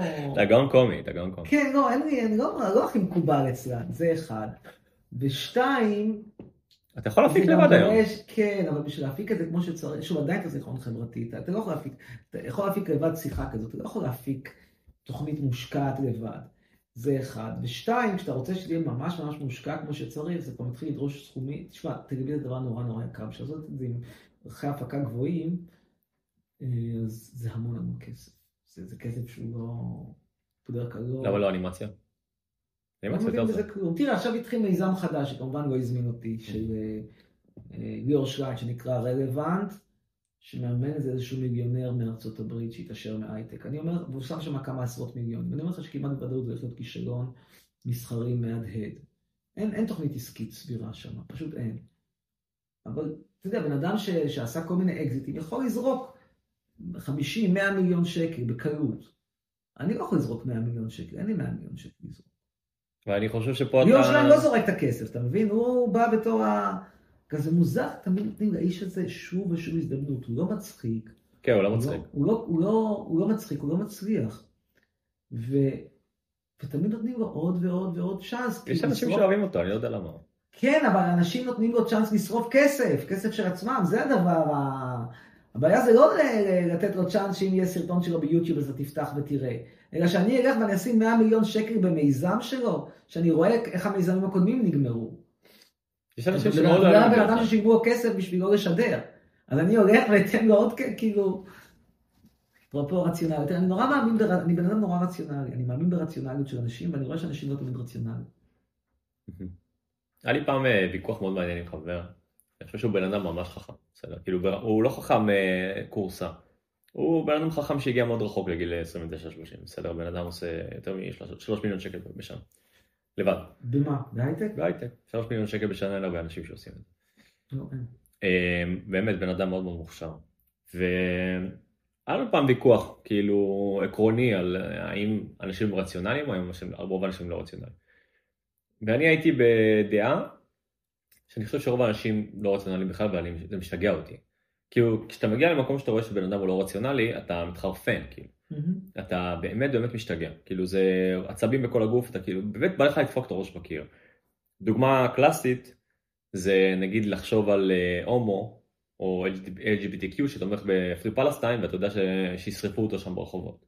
הוא אומר לך פרי גזה פרי גזה, למרות שכאילו ישרפו אותו שם ברחוב, וכאילו שהוא פרו זה ופרו שם. שבעיניי זה אינסניטי, סבבה? כאילו, זה אינסניטי, זה שם נגמר כאילו ההיגיון, אני לא מצליח. זה. והוא אמר לי, תשמע, אני לא מסכים איתך. הוא, אני חושב שהוא קורא אנשים מאוד טוב, גם יש מכירות מאוד מצליח, בגלל זה אני אומר את זה. Uh, הוא אמר לי, אני לא מסכים איתך שרוב האנשים לא, הגיון, לא, לא רציונליים, אני פשוט חושב שרוב האנשים ממש גרועים בלתקשר את הרציונליזם שלהם. ואני יודע שזה כאילו כזה, לא, לא אומר הרבה אולי מנקודת מבט של מה שאני מספר את זה כרגע, אבל לי זה היה כאילו צורת מחשבה, לי זה פתח איזשהו צוהר מחשבה מאוד מאוד מעניין. זאת אומרת, אם אני יכול להסתכל על בן אדם שאני חושב שהוא משוגע, ולהגיד לעצמי, הוא כן, no, הוא כן רציונלי, אני פשוט צריך to track down את הרציונל. וזה עשה לי הרבה טוב בחיים, כאילו, זה, זה, זה מאוד, זה מאוד עודד אותי. כן, אבל אם הרציונל שלו הוא לגמרי מטורף, אז הוא, אז הוא לא רציונלי. הוא לא... הרציונל, הרציונל של אנשים ש, ש, שמאושפזים במחלקה סגורה בשלוותה, לא שלוותה הבאה, כן. שלוותה זה, הם לא רציונליים. בסדר, אבל גם בחלק מהדברים אני יכול להגיד שאתה לא רציונלי, אבל אתה תסתכל על זה כרציונלי. אני, אצלי אתה, אתה לא יכול להגיד שהחשיבה שלי היא לא רציונלית, אתה יכול להגיד שהיא לא פופולרית, אתה יכול להגיד שהיא שונה משלך.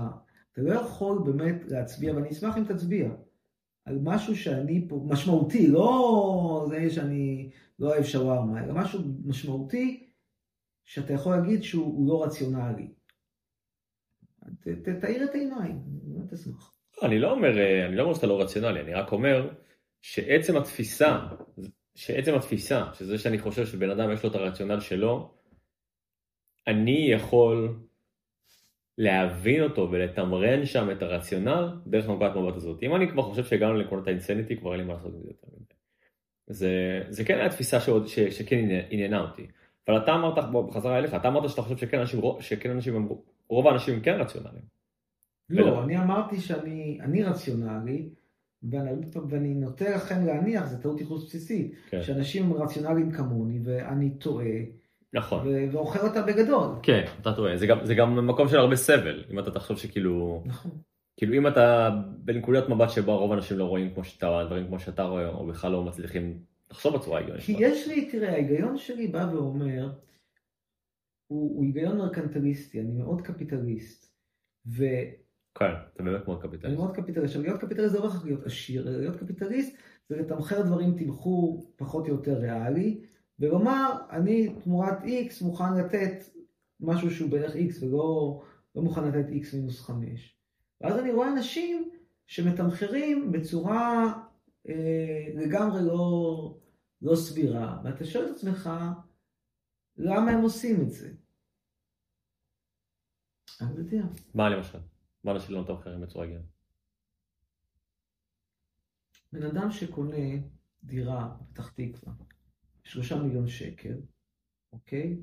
שזה מחיר של טירה בצ'כיה, זה לא רציונלי. זה, לא, זה, זה תמחור שהוא הוא תמחור יתר מטורף, למשל. בן אדם שנמצא בחו"ל, אוקיי, נגיד, כמונו כרגע בברלין, מקבל צו 8 ללכת להילחם בעזה. כמו לשים את הצו ב... לעשות מהצו, אה, לא יודע, האם מקבלים את הצו הזה עדיין בדואר? אני חושב אס.אם.אס. מה? רק אס.אם.אס. במקום למחוק את האס.אם.אס, או... או... כן, במקום למחוק את האס.אם.אס, הולך וקונה כרטיס טיסה על חשבונו, זה לא רציונלי. זה לא רציונלי. מה, זה נראה לך הגיוני שאתה הולך, יש לך פה חיים, יש לך פה עבודה, אתה תלך להילחם בעזה? למה מי מת? כאילו מה, זה, אתה מבין, זה לא הגיוני. זה לא, אני לא חושב שזה לא הגיוני. לא חושב שזה לא הגיוני. אבל אתה לא, זה לא מצב שבו מישהו בא אליך הביתה ואמר לך תבוא. בישראל. לא, אתה בכלל חי במדינה אחרת. אני חושב שיש אנשים שיש להם הרבה אהבה בלב לדברים. אז אתה הולך לסכן את החיים שלך, תראה, אתה אחד מתוך אה, כעשרה מיליון ישראלים, קצת פחות. החיים שלך זה אחד מתוך אחד, אז אתה הולך ומסכן את האחד מתוך אחד בשביל האחד מתוך עשרה מיליון, אתה לא נורמלי. יכול להיות שאתה לא נורמלי, אבל יש אנשים שיש להם הרבה, שמרגישים הרבה דברים כלפי הרבה דברים. כמה? אבל הלא נורמליות הזאת, כמה? היא, לא, היא לא נורמלית בדרכה, היא נשארת לא נורמלית, אני לא פוסט מודרניסט. כן. לא נורמלי זה לא נורמלי, מכוער זה מכוער. תקשיב, אין כן. שום דבר בעולם שישכנע אותי שאישה שבמקום שהיא תהיה 90, 60, 90, שהיא תהיה 60, 90, 60, היא יפה, אין, זה לא נכון, זה לא עובד. זה לא שכל אישה היא יפה בדרכה, לא.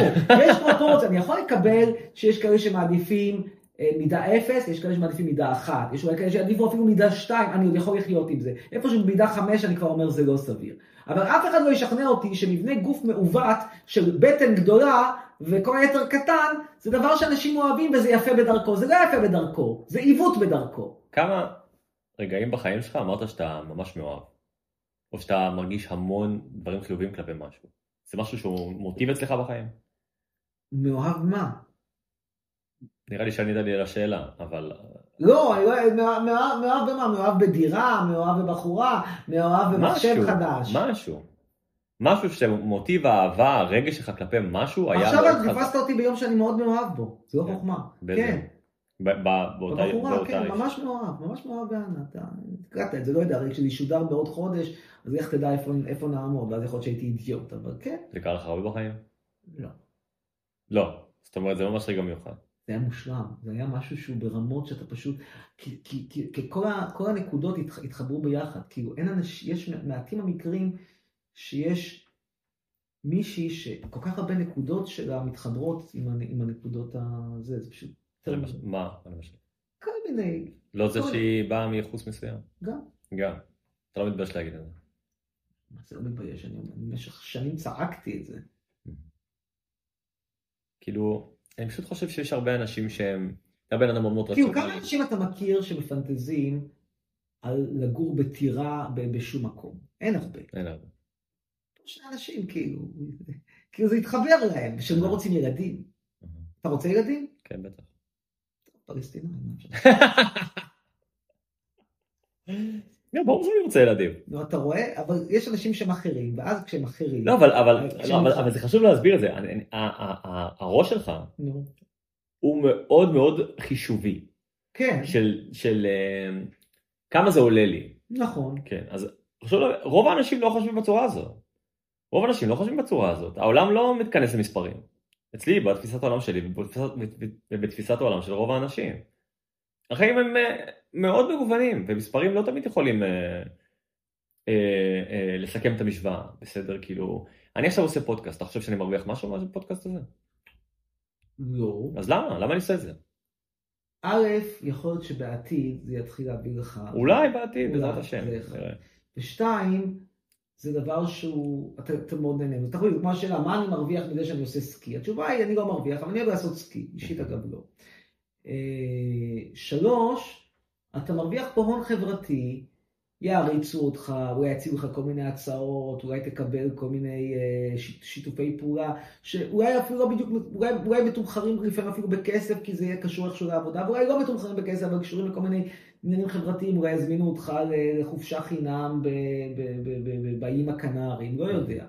אומרת, זה יכול להשתלם לך בזה. עכשיו, תשאל אותי, האם לא היה עדיף מבחינה כלכלית נטו את הזמן הזה עכשיו לעשות עוד קצת עבודה בתכנות, כנראה שהיה עדיף לעשות עוד, עוד חלטורה בתכנות, אבל זה לא מופרך לגמרי. להביא ילדים זה מופרך לגמרי, זה טמטום, זה טירוף, אין בזה שום היגיון, זה בזבוז מוחלט של משאבים. אבל לעשות פודקאסט זה לא, זה בחירה שאתה יודע, אפשר ככה, אפשר אחרת. זה לא אותה רמה של... אתה לא רואה את הכוח בקבוצה? כוח של קבוצה כקונספט. צריך להיות קודם כל בקבוצה, אני לא בקבוצה. מה זה משפחה? תראה, כשאתה לוקח שחקן חיזוק לקבוצה, אז אתה יודע שהשחקן הזה, הוא ייתן את העבודה, אם הוא לא ייתן את העבודה, אתה פשוט מפטר אותו והוא חוזר חזרה. אבל ילד, להביא איזה שחקן חיזוק, שאתה מתחייב לשלם לו חוזה במשכורת מפתחת ל-21 שנה, ואתה בכלל בטוח שייתן את העבודה. אז לכן זה נראה לי שחקן חיזוק כושל. אה, אם אתה חושב שהקבוצה יש מטרה ספציפית, אבל... אה, מה המטרה האחרת? מה, מה, אתה, אמרת לי, אתה אמרת לי קבוצה.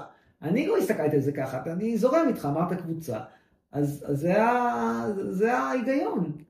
כן, אבל אי אפשר להתעלם מזה, טוב, אתה, אתה כנראה כן מתעלם מזה, אז אני לא יכול להגיד שאי אפשר להתעלם מזה, אבל יש לנו משהו בבני אדם שתגיד רציונלי, לא רציונלי, כן רציונלי. Mm. יש בנו משהו שרואה בקשר דם משהו יותר חזק מאשר סתם בן אדם שהכרתי ברחוב. וקבוצה שיש בה קישור גנטי, יש לה עוצמה ענקית. תסתכל את הפלסטינאים. תסתכל עליי ועל התושבים של אשקלון. נו. כלום. בסדר, אבל אתם לא אחים טכנית. מה זה לא אחים טכנית? אין ביני ובינם שום דבר מן המשותף. נו בסדר. כמו הבושמנים. נו בסדר, כי הם לא רואים בך גם את הדבר הזה. הם לא משותפים איתי, נכון. אבל, אבל כמה שאתה, לא יודע מה, כמה שאתה, לא יודע, אתה בקשר טוב עם אמא שלך, עם אבא שלך. מתו. היית? עם אבא. עם אבא ועם אמא. ככה. ככה? לא למה? גם לי, גם שלי לא להיט, למה? תראה, רוב השנים האחרונות הייתה דמנטית, לפני שהייתה דמנטית הייתה בלתי נסבלת, אז כאילו, מתי יכולנו להיות בקשר טוב? לא, אני לא מכיר הרבה אנשים שמדברים על ההורים שלהם בצורה... אני גם יכול לדבר על זה בצורה די קיצונית, אבל לא, לא למיקרופון. תראה, הבן אדם היחיד שבאמת כאילו תמיד אוהב את ישראל בלי פשרות, אתה יודע מי זה האדם היחיד שתמיד אוהב את ישראל בלי פשרות, יוסוף חדד. אבל יוסוף חדד... חזרים אליו כל פעם, אני אוהב את זה. התחלנו יוסוף חדד נסיים מזה. יוסוף חדד הוא מתפרנס מזה, אתה מבין? אני לא מתפרנס מזה. אני לא מתפרנס מלהיות מאמן כדורגל, מאמן קבוצת ישראל. אז למה שאני... מה, אתה, מה, זה, מה זה קבוצה? קבוצה זה אומר שיש מישהו שסוחב על הגב מישהו, שטוב, ש, מישהו אחר. לא בהכרח. לא בהכרח. קבוצה... תראה... מתי אתה תתחיל לראות דיבידנדים מהילד שלך? כשהוא יהיה בן מתי? בן 10? 20? מהרגע הראשון שאני אראה אותו, כי אני אוהב אותו. זה הדיבידנד. מה, איזה, איזה, איזה דיבידנד יש מהחלפת חיתולים? לא יודע, סתם אנשים עושים את זה. טמבלים. לא חושב שהם טמבלים, אני חושב שהם מרוויחים הרבה... תראה, יש משהו יצרי בתוך זה. העובדה שבעולם השלישי, ובעיקר במדינות ה sub סהרה, מביאים הרבה יותר ילדים מאשר באירופה. עכשיו, בהנחה שאתה מסכים איתי שאירופה זה יותר אנשים יותר אינטליגנטים, יותר מתורבתים, יותר מתקדמים לזה, והם מביאים הרבה פחות. אז כנראה שהם מבינים משהו שהסאב סהרה הם לא מבינים. אני אגיד לך מה, אני חושב שפשוט באירופה הם הרבה יותר אינדיבידואליסטים. בסדר, הם הרבה יותר כמוך. לא, לא שזה רע או טוב. זה רע, ב... זה לא רע אבסולוטית. זה כן רע מבחינת הנקודה הזאת שאני חושב שסוסייטי של אינדיבידואליסטים זה סוסייטי שהוא לא סוסטיינבילי. אה, אני חושב שבסופו של דבר, ככל שאנשים יותר אינדיבידואליסטים, אני חושב שהם גם יותר קרובים להשתגע מאשר, אה, יותר אנשים כקבוצה. יותר קשה לשגע קבוצה מאשר קשה לשגע אינדיבידואליסטים. ואנשים אינדיבידואליסטים אתה יכול לרתום אותם למטרות חסרות פשר מוסרי לחלוטין בצורה יותר קלה, בעיניי. דווקא אני ראיתי שמישהו רתמו אותם לאחרונה למטרות חסרות כל פשר, אה, חסרות כל אה, היגיון, זה דווקא חברה מאוד קולקטיביסטית כמו החברה הפלסטינאית בעזה. ממש לא אינדיבידואליסטית. זה נכון, אבל הם אה, סובבים סביב משהו שנקרא אסלאם, שעצם הקבוצה עצמה, שכבר יש לה שורשים, אני מדבר לרתום אנשים מבחוץ לתוך קבוצה, אני לא מדבר על אנשים שכבר נולדו לתוך קבוצה. זה כבר קבוצה שהיא לקח לה פחות או יותר 1,500 שנה כדי להגיע. כן, אבל יש עוד כמה קבוצות אסלאמיות בעולמנו, ולא כולם מתנהגים ככה. נכון. ואני לא חסיד גדול של האסלאם, אבל אתה יודע, להגיד ש, שחמאס ו... ומרוקו זה אותו דבר, זה לא אותו דבר. לא, זה לא אותו דבר. לא אותו דבר. כן. אמ, תראה, לא אגיד לך שהם לא, לא אגיד לך שהם טיפשים, אני פשוט אגיד לך שכאילו זה... מה, העזתים? אתה לא אגיד שהם לא, טיפשים? לא, לא, לא עזתים, אני מדבר, אני מדבר על אירופאים. אני כן אגיד לך שכנראה שאתה פחות מכיר את זה פה, אבל... אה, זה שהם אינדיבידואליסטים, בסדר? זה שחסר להם אידנטיטי לאירופאים פה, ואני אומר לך, חסר להם אידנטיטי. לנו יש יותר מדי אידנטיטי בתור ישראלים. יש לנו לאומנות, ויש לנו ציונות, ויש לנו יהדות, ויש לנו משפחה, ויש לנו את היחידה בצבא, ויש לנו מיליון ואחד דברים mm. שהם, שהם, שהם האידנטיטי שלנו. ופה הם אנשים חסרי אידנטיטי, בסדר? הם אנשים שרק צמאים, צמאים, צמאים לטיפה משהו שהוא higher purpose, בסדר? הם צמאים לזה, רק תן להם. ואתה יכול להוביל אותם כצאן לטבח להרבה דברים שהם אה, לא מוסריים, כן? למשל, למה אתה חושב שהם כל כך... אני, אני אישית טוען שהסיבה היחידה שהם כאלה פרי פלסטיין, זה כי... אבל הם לא כאלה פרי פלסטיין, משהו פה, הבסיס שלך הוא פשוט עובדתית, לא עובד. אם היו כאלה פרי פלסטיין, אז אתה היית רואה כוח משימה אירופאי, מגיע עכשיו לעזה, זה לא דומה בכלל. אתה, אתה שוב, אתה לוקח... אני מדבר על ברלינאים. כמה אנשים היו בהפגנה ביום אה, ראשון האחרון? אני לא יודע להגיד לך, לא הייתי פה. אה, היה מעט לא, מאוד, כמה אלפים בודדים. תראה, תראה, בוא נגיד ככה, תראה, זה נכון שאולי פיזית הם לא הולכים, אני לא יודע להגיד לך, אבל אתה תראה כאילו את האלף... אתה שוב נתן לי את החסן בהמונית, שהוא כנראה פלסטינאי, שקילל אותך, נו מה? לא, תלך, תסתכל ברשתות החברתיות. אתה יודע כמה אנשים אני מכיר שהם אירופאים, הם לא ערבים, שהם כאילו כל היום פרי פלסטיין, פרי פלסטיין, והם הכי קיצוניים שיש. כמה כאלה יש? יש לך 80 ומשהו מיליון גרמנים, כמה הם מתעסקים בפלסטיין? לא יודע לגבי גרמנים ספציפית, אני מדבר בברלין. אני חושב שלברלינאים אין מה לעשות. מסתבר, הרבה מהם אין מה לעשות. חשבתי שהם עושים סמים וזיונים, עכשיו אתה אומר לא, הם עושים פלסטיין. ופרי פלסטיין, שלושתם ביחד הם עושים. אבל הזמן הוא מוגבל, אתה לא יכול... אתה יודע מה, אני אביא לך את הנתונים. בסדר, אני קיבלתי את הסימן שאלה שלך, אני צריך לחקור את הנתונים כמה באמת, אני לא יודע אם יש משהו מעודכן. אתה הולך, אני חושב שמה שקורה, אתה שופט את ה-200 איש שאתה מכיר מהבר שלך, או מה... או מהמועדון שלך שנמצאים בקרויצברג, שזה שכונה של מהגרים. מהגרים מסוג מאוד מסוים, לא משוודיה, כן? ואז פה באמת יש קצת יותר, אבל לא, אני לא... הסתובבתי בימים האחרונים בעיר. לא התרשמתי שהיא עמוסה ב... בענייני פלסטין, לא לטוב ולא לרע, אגב. תראה, פיזית אתה צודק, בהחלט אה, החיים, החיים פיזית הם בעצם מנותקים מהרשתות החברתיות. אבל היום רוב הדברים הם ברשתות החברתיות, ושם כאילו צריך לשפוט את זה. להגיד לך שעכשיו אני יודע להביא לך את הנתונים? לא, זה רק נטו מנקודה סובייקטיבית שלי. אבל שוב, אתה, אתה, אתה, אתה, אתה, אתה רשום באותן קבוצות, אתה... זה כמו שאתה תלך ל... ל, ל תגור בפלורנטין בתל אביב, ותהיה ב... ב תלך לברים בפלורנטין, ותהיה בקבוצות חברתיות של פלורנטין, ואתה תחשוב שאחוז האנשים שמעשנים אה, סמים בישראל הוא 70 אחוז, אבל הוא לא 70 אחוז, הוא כנראה 7 אחוז. אתה במדגם לא מייצג.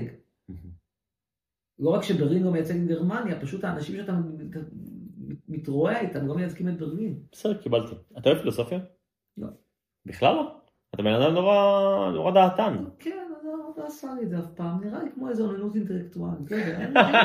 לא, אין לי איזשהו משהו אתה צודק. אידיאולוגי, זה פשוט נראה לי, אני קראתי, לא, לא עשה לי את זה, לא, גם באוניברסיטה לא, לא, לא תפס אותי בשום שלב. לא, פשוט לא, אתה יודע. לא למדת פילוסופיה באוניברסיטה, כאילו אין משהו, קורסים כאלה בתקשורת. הפרופגנדה. די השתדלתי להתחמק. איפה שהיה קצת, אז כאילו, איכשהו חיפפתי ולא... הפרופגנדה למדתם? כן.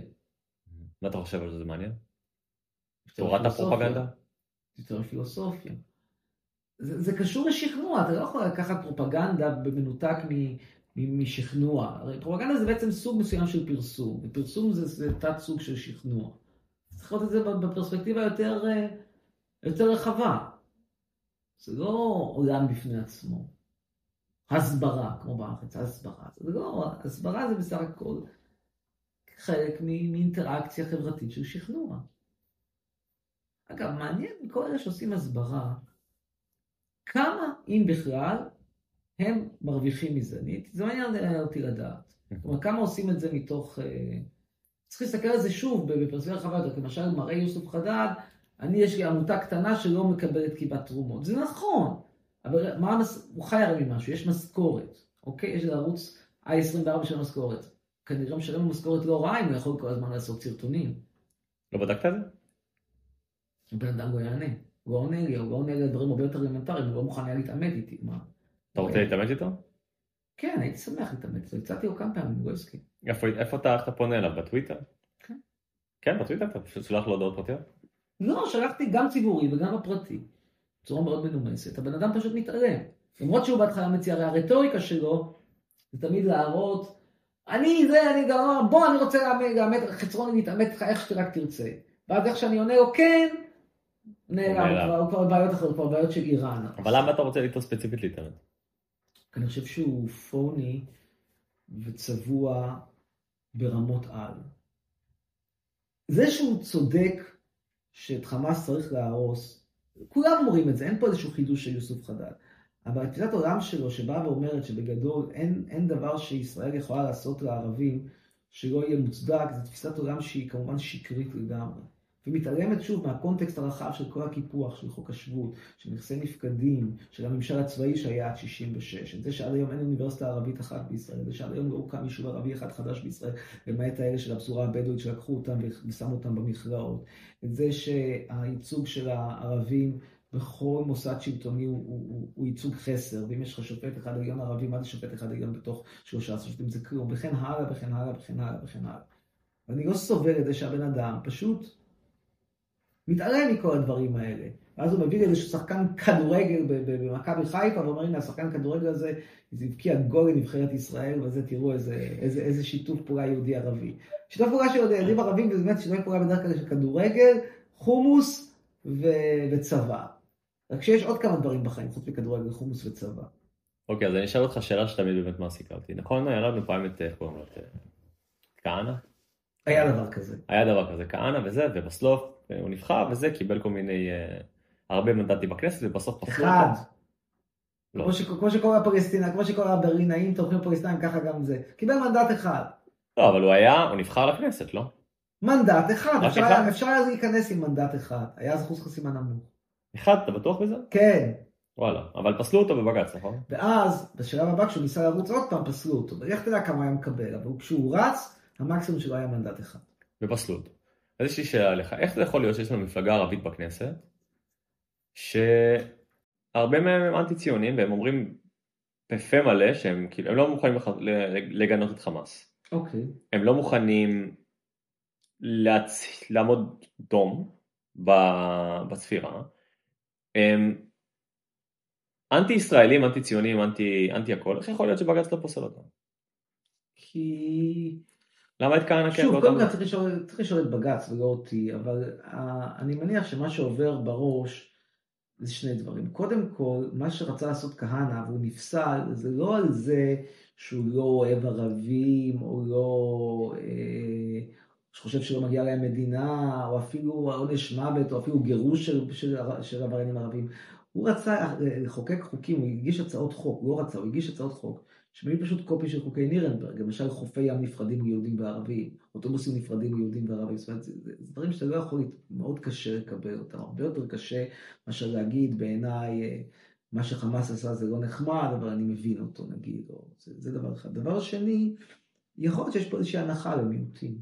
אתה אומר, המיעוט הזה מקופח, תן לו לפחות לבטל אותו בכנסת. כהנא לא היה מיעוט, הוא היה רוב שבא ואומר בוא נעשה חוקי נירנברג, אז פחות סימפתיה יש אליו. יש יותר סימפתיה לערבים. לא היית פוסל אותה? לא. לא היית פוסל אותה? באמת? לא.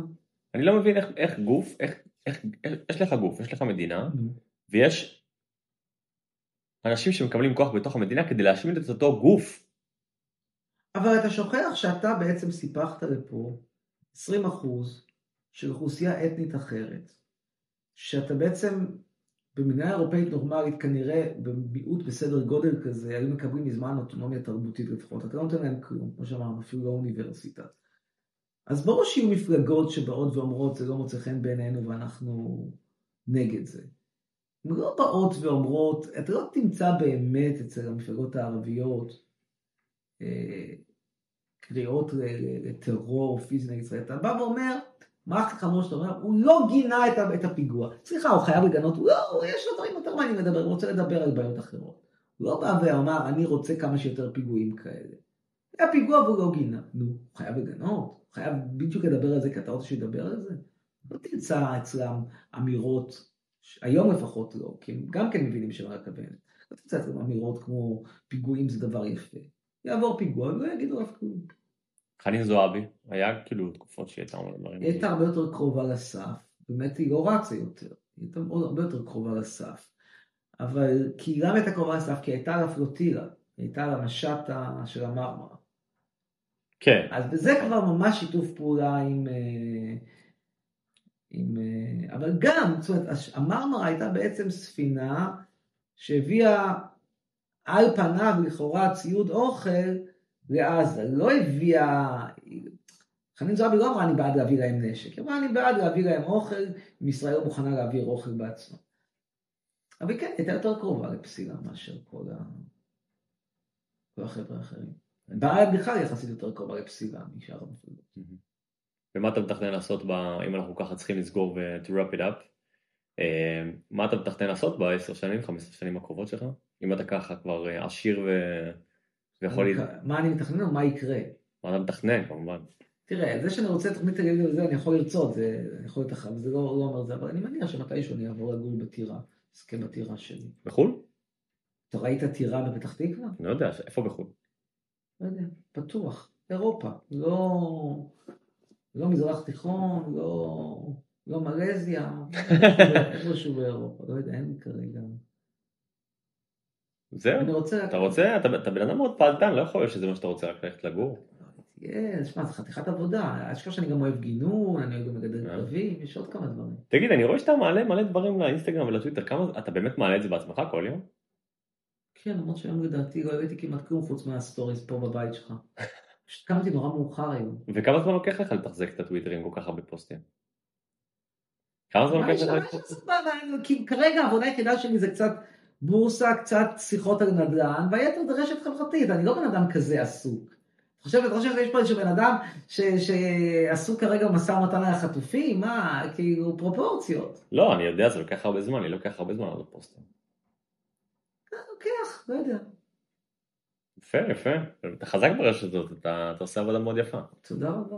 אתה מרגיש שהדעת קהל עליך השתנתה קצת בשנים כן, האחרונות? קצת השתנתה. אבל עדיין, כשהייתי עכשיו בפולין, אז ה- אותם ישראלים שבאמת מטרידים בחורות בקניונים, שעברו לדעתי מאוקראינה, כי אוקראינה כבר אין כל כך קניונים שם, לא להיט, אז תפסו אותי זה כמה כאלה ערבים עם כיפה, אמרו חצרוני, אמניה, כזה, אני אומר תקשיב, תזהר, אני פה אזרח, אתה כולה מהגר פלסטיני עם כיפה, תיזהר. מתי הרגשת שהדעה עליך נהייתה קצת יותר חיובית? תחילת המלחמה. אה, רק אז. אז לקח המון שנים. כן. כי במלחמה אני, אני תומך, נכון, אני אומר לך גם הרגע, עם כל הביקורת שלי על ישראל ועל הציונות, מלחמה אני תומך בצד הישראלי, אני לא תומך בזה, למרות שאני אומר לך שוב, יש לי בעיה עם הצד הישראלי כש, כשהוא בא עם כל מיני החלטות הזויות כאלה, כמו ל, ל, ל, להעמיד למשפט, לעצור מורה בגלל שהוא ריחם על ילדי עזה, או ללכת לעצור בקלקיליה ערבייה שתלתה פוסטר, יש לי בעיה, אני אומר לך. אני מוצא את עצמי יותר ויותר קשה להסביר את ישראל. אגב, אני בכלל לא מסביר את ישראל בחינם. מדינת ישראל צריכה, אני צריך לעבוד בחינם בשביל fucking מדינת ישראל? סליחה? סליחה? למה בן גביר עובד חינם? למה סמוטריץ' עובד חינם? למה שאני אהיה חינם? אז למה שירת בצבא? זה חינם. פחד. פחד ממה? שיעשו אותך? לא, אתה יכול להשתחרר ולעצרו אותך, אבל זה היה פחד, זה היה אימא שלי מאוד לחצה, זה היה תקופה אחרת. שוב, אתה שופט כרגע את שנות ה-80 המאוחרות ב... בקריטריונים של 2023, זה מאוד קשה. אני חייב להגיד לך שאני, איך אני, אני לא עקבתי אחריך במשך שנים, הכרתי את השם קצרון, ידעתי שכאילו זה לא, שמעתי על המקרה עם, באמת עם הכיסא בראש וכל הדבר הזה המגוחך הזה. ולפני כמה חודשים שמעתי אה, פודקאסט שלך עם אה, בן בן ברוך. בסדר, עכשיו אני שמעתי כמה פודקאסטים וניסיתי כאילו לעבור כי היה מאוד שיאמם לי וזה, לא, שום פרק לא תפס אותי, זה לא מאוד עניין אותי. עד שהתחלתי לשמוע את הפרק איתך, ותשמע זה בידר אותי בצורה יוצאת דופן, לא הצלחתי, לא הצלחתי להפסיק לשמוע את זה, אתה פשוט קראת אותי מצחוק. תודה רבה. שעברת אותי מצחוק, אני פשוט אמרתי מה זה הבן אדם המטורף הזה, הלוואי ואני, כאילו, בקטע טוב, הלוואי ואני אצליח להביא אותו לפודקאסט, זה פשוט כמו, אבל לא לא קראתי אותך מצחוק. לא, הצחקתי אותי כמה פעמים, היית במצב רוח יותר כבד הפעם, פשוט נראה לי שאז באת יותר קליל. בסדר, זה, כן, כי תשמע, בכל זאת יש מלחמה. בכל זאת יש מלחמה. אה, ואני זוכר שכל מה שחשבתי זה, תשמע, הבן אדם הזה יש לו פה כזה גדול, והוא פותח דברים כל כך, ב, אתה יודע, אתה אמרת שם דברים די קשים, כאילו, אתה יודע, נגיד קראת למרוקאים קופים וזה וכל מיני שטויות. לא. זה מה שאני זוכר שהיה בה, זה אלה קופים, לא משנה, מזרחים, אתה מתבלבל בין יהדות העצים ליהדות המערות, אני מבקש ממך. לא משנה, אתה יודע זה מה אני אותו מתכוון. דבר. בסדר, אני אדייק ואני אגיד, היה את המילה קופים בהקשר של מזרחים איכשהו, בסדר? לא. זה היה עדה אחרת. בסדר, לכו תשמעו. הייתה עדה אחרת. תחשוב. איזה עדה זו הייתה? נו, בוא, תחשוב לבד. איזה עדה? נו, בוא. לא יודע, עיראקים, פלסטינים, לא יודע, אתיופים, מה? אפריקה. אפריקה, בסדר. היבשת המתעוררת. מה אני. לא אמרתי קופים, אני אמרתי, דיברתי על זה בצורה, אני לא זוכר איך אמרתי את זה, זה היה משהו כמו גרועים, כאילו אני, אמרת שאני אגיד קופים? הכל בסדר, לא נעלבתי. ואני כל שאני זוכר שחשבתי, תשמע, אתה אחד האנשים הכי לייקבל שאני שמעתי עליהם. כאילו, אתה פשוט לייקבל ברמות. יש בך משהו שהוא פשוט כאילו, לא יודע, אתה מדבר דברים כל כך קיצוניים, אבל אני לא יודע אני מצליח לכעוס עליך, אני כאילו, כאילו, I like you. א' תודה, וב' התשובה היא למה, כי יש לנו אנשים, כי מדינת ישראל זה עם של מפגרים. עם של כאילו, מה שבאמת אכפת לו, כמו שאמרתי, זה, זה להשריץ, לעשות על האש ביער בן שמן, ולראות מי, איפה, מי, איפה יזמין אותו בליל הסדר. וזה דברים שאני לא מתחבר אליהם. איפה אתה גם היית בליל הסדר? אחרון? כן. בבית חב"ד. כמה אני ידעתי, כאילו בסוף יצא ממך העיראקי, מה יש לך ללכת לבית חב"ד? תגיד לי, מה, מה, מה? שידוך מצאת, מה יש לך ללכת לבית חב"ד? מה, תסביר לי. לא יודע, רציתי קצת ביחד, רציתי לשיר קצת את השיר הזה. למה לי זה לא קורה? למה אני מפנטז רק על זה שאני מגיע לטירה של הברונית, ושם שר מזמורים, מזמורים לחג המולד, תוך כדי שאני גם על הדרך, על הדרך עובר סופית הכנסייה הלותרנית, ואתה הולך לחפש את בית חב"ד. תסביר לי אתה. ואני שואל אותך, למה אני אוהב מניה לא מנצחת ואתה מתעקש על המניה המפסידה? אני לא יודע. אתה אוהב מניות מפסידות אתה. אני לא יודע, אין לי מושג, אני פשוט חושב ש... אתה אירופאי כנראה, אתה בנוי ממשהו שם יותר אה, יבש אצלך בכל הקטע הזה של אה, ביחד. לא יבש. שנאה עזה, אני יודע ש... שנאה עזה. שמע, האלה מבית חב"ד בזבזו את זמני היקר בזמנו בשנגחאי. כי הרי בזמנו הייתה לי חברה שקראה לי את הדרכון בשנגחאי. אז אמרו לי, לך לחב"ד, הם יסדרו לך, הייתי צריך, הייתי צריך דרכון חדש עם ויזה חדשה, כי הסינים שם, זה, זה, יש שם סיפורים שאומרים עם ויזה, שאתה צריך שיהיה לך ויזה בדרכון בשביל לצאת, כי אתה צריך לחדש, היה צריך בעצם לעשות רטרואקטיבית ויזה. אמרו לי, לך לבית חב"ד, יעשו לך ויזה. אני נסעתי לבית חב"ד, זה היה לנסוע איזה 100, 120, 150 קילומטר. נסע לבית חב"ד, שומע את הזיוני שכל שלהם על, אה, על הרבי מלובביץ' ועל האלוהים ועל, ועל, ועל כל עם ישראל וכל זה. נתנו לי אוכל חינם, אני חייב לומר חינם, אני חייב לומר אוכל בסדר גמור. אבל כלום לא עזרו, פעמיים הייתי שם, כי אמרו לי פעם לא זה כבר, פעם הבאה הוא יבוא זה שהוא רלוונטי. באתי, שוב פעם זיוני שכל, שוב הרבי מגובביץ', שוב איזה, הם לא עוזרים, הם לא כלום, עזוב אותך, הם עוזרים לך במה? הם עוזרים לך למצוא ארבעה מינים לסוכה. ממש ממש חסר לי ארבעה מינים לסוכה. עזוב, עזוב, עזוב את השטויות האלה, אתה צריך שיעזרו לך, תחסוך כסף. בסדר, אני לא אלך יותר לבית חב"ד בגללך. סתם, למרות שלי היה נחמד, אני לא הייתי צריך עזרה מהם. הרבה באו? כן, היה שם לא מעט אנשים. נראה לי לפחות איזה 100 איש, 150 איש. כן, יש אמרו שיש בגרעין עשרת אלפים ישראלים, לא? אה, כן. לא? זה לא 100, זה לא הרבה בכלל. 100 מתוך עשרת אלפים זה לא הרבה. אני לא יודע אם יש לכם עשרת אלפים, אבל אם יש עשרת אלפים... עשרת אלפים איש זה הכל? כמה אתה חשבת שיהיו? זאת אומרת, זה שיש הרבה מטיילים וזה, אבל זה לא שהרבה גרים. לא שידוע לי שהרבה גרים. תראה, אין כל כך, אין פה... זה לא, זה לא מעצמת הייטק, זה לא... גרים פה כאלה, בעיקר, בעיקר, בעיקר צעירים מסטולים, שכמו שאמרנו, רוצים, נכון. רוצים לגור יותר בזול בתל אביב עם סמים יותר טובים, נכון. אבל אין פה מקום שהוא מכה, מכה של הגירה, למיטב ידיעתי. מה התחנה הבאה שלך? אני חוזר עכשיו לישראל, איזשהו פרק זמן, צריך לסדר כמה סידורים, ואחרי זה, טרם החלטתי, אבל אני לא אשאר. אולי חזרה לפה, אולי קצת יוון או מלטה, לא יודע, לא החלטתי, לא ישראל. חד משמעית. לא. טוב, אני מבטיח לך שאם הפודקאסט הזה יהפוך להיות, אה, בכללי, כן, כל הקונספט, יהפוך להיות הצלחה מסחררת, אני מתי שיביא אותך לטלוויזיה. אני אחזיר לך טובה. אה, אבל אתה צריך קודם כל להגיע לשם עצמך. אני יכול להגיע, אל תזלזל בי. יכול להגיע. אני לא מזלזל בכלל, תשמע, מי שהולך לבית חב"ד כבר יש לו... אה, יש לי כבר יתרון חברתי, אתה אומר. אה. כן. תראה, אני שוב, אני לא יכול, זה, זה, אפשר באמת אה, כזה טוב לסיים בזה. תשמע, ללכת לבית חב"ד, אתה בעצם מביע פה איזושהי עמדה, אה, שוב, ללכת לבית חב"ד לא בשביל ש... חייב למישהו טובה. אם מישהו, אני חייב למישהו טובה, הוא מבקש שאני אניח בשביל נגיד יש מישהו שעזר לי להסתכל, עזר לי להשגיח על הקווים כשאני הייתי בחו"ל. הוא חב"דניק. אמרתי לו, אין בעיה, אני אניח תפילין. בשבילך, לא כי אני מאמין בזה, אני לא מאמין בזה בגרוש שנייה אחת. אני לא אלך לעשות את הדברים האלה שאני לא מאמין בהם. אלא אם כן זה חלק מתמורה, כי זה, זה בדיוק הדיסוננס הקוגניטיבי. אם אתה עושה משהו, תמורת תמורה הגיונית, כלומר מישהו השגיח לך על הכלבים, אתה מניח בשבילו תפילין, אז, אז, אז, אז זה trade off בסדר, כי להפך, קיבלת יותר ממה שנתת. אבל ללכת סתם לבית חב"ד, אז אתה בעצם עושה משהו שהוא לא הדעה שלך, ומה אתה מקבל בתמורה? חרוסת? יש שם גם, יש שם גם הדקת נרות חנוכה, נכון? אני מניח שכן, יש שם את כל החגים היהודים. הלכת אליהם רק בבית חב"ד, רק, רק... רק לפסח, אבל רציתי ללכת גם לראש השנה, בסוף לא יצא. תודה רבה לך, עמי חצרון. תודה רבה, היה כיף. לי היה, גם מאוד נהניתי. בשמחות, להתראות.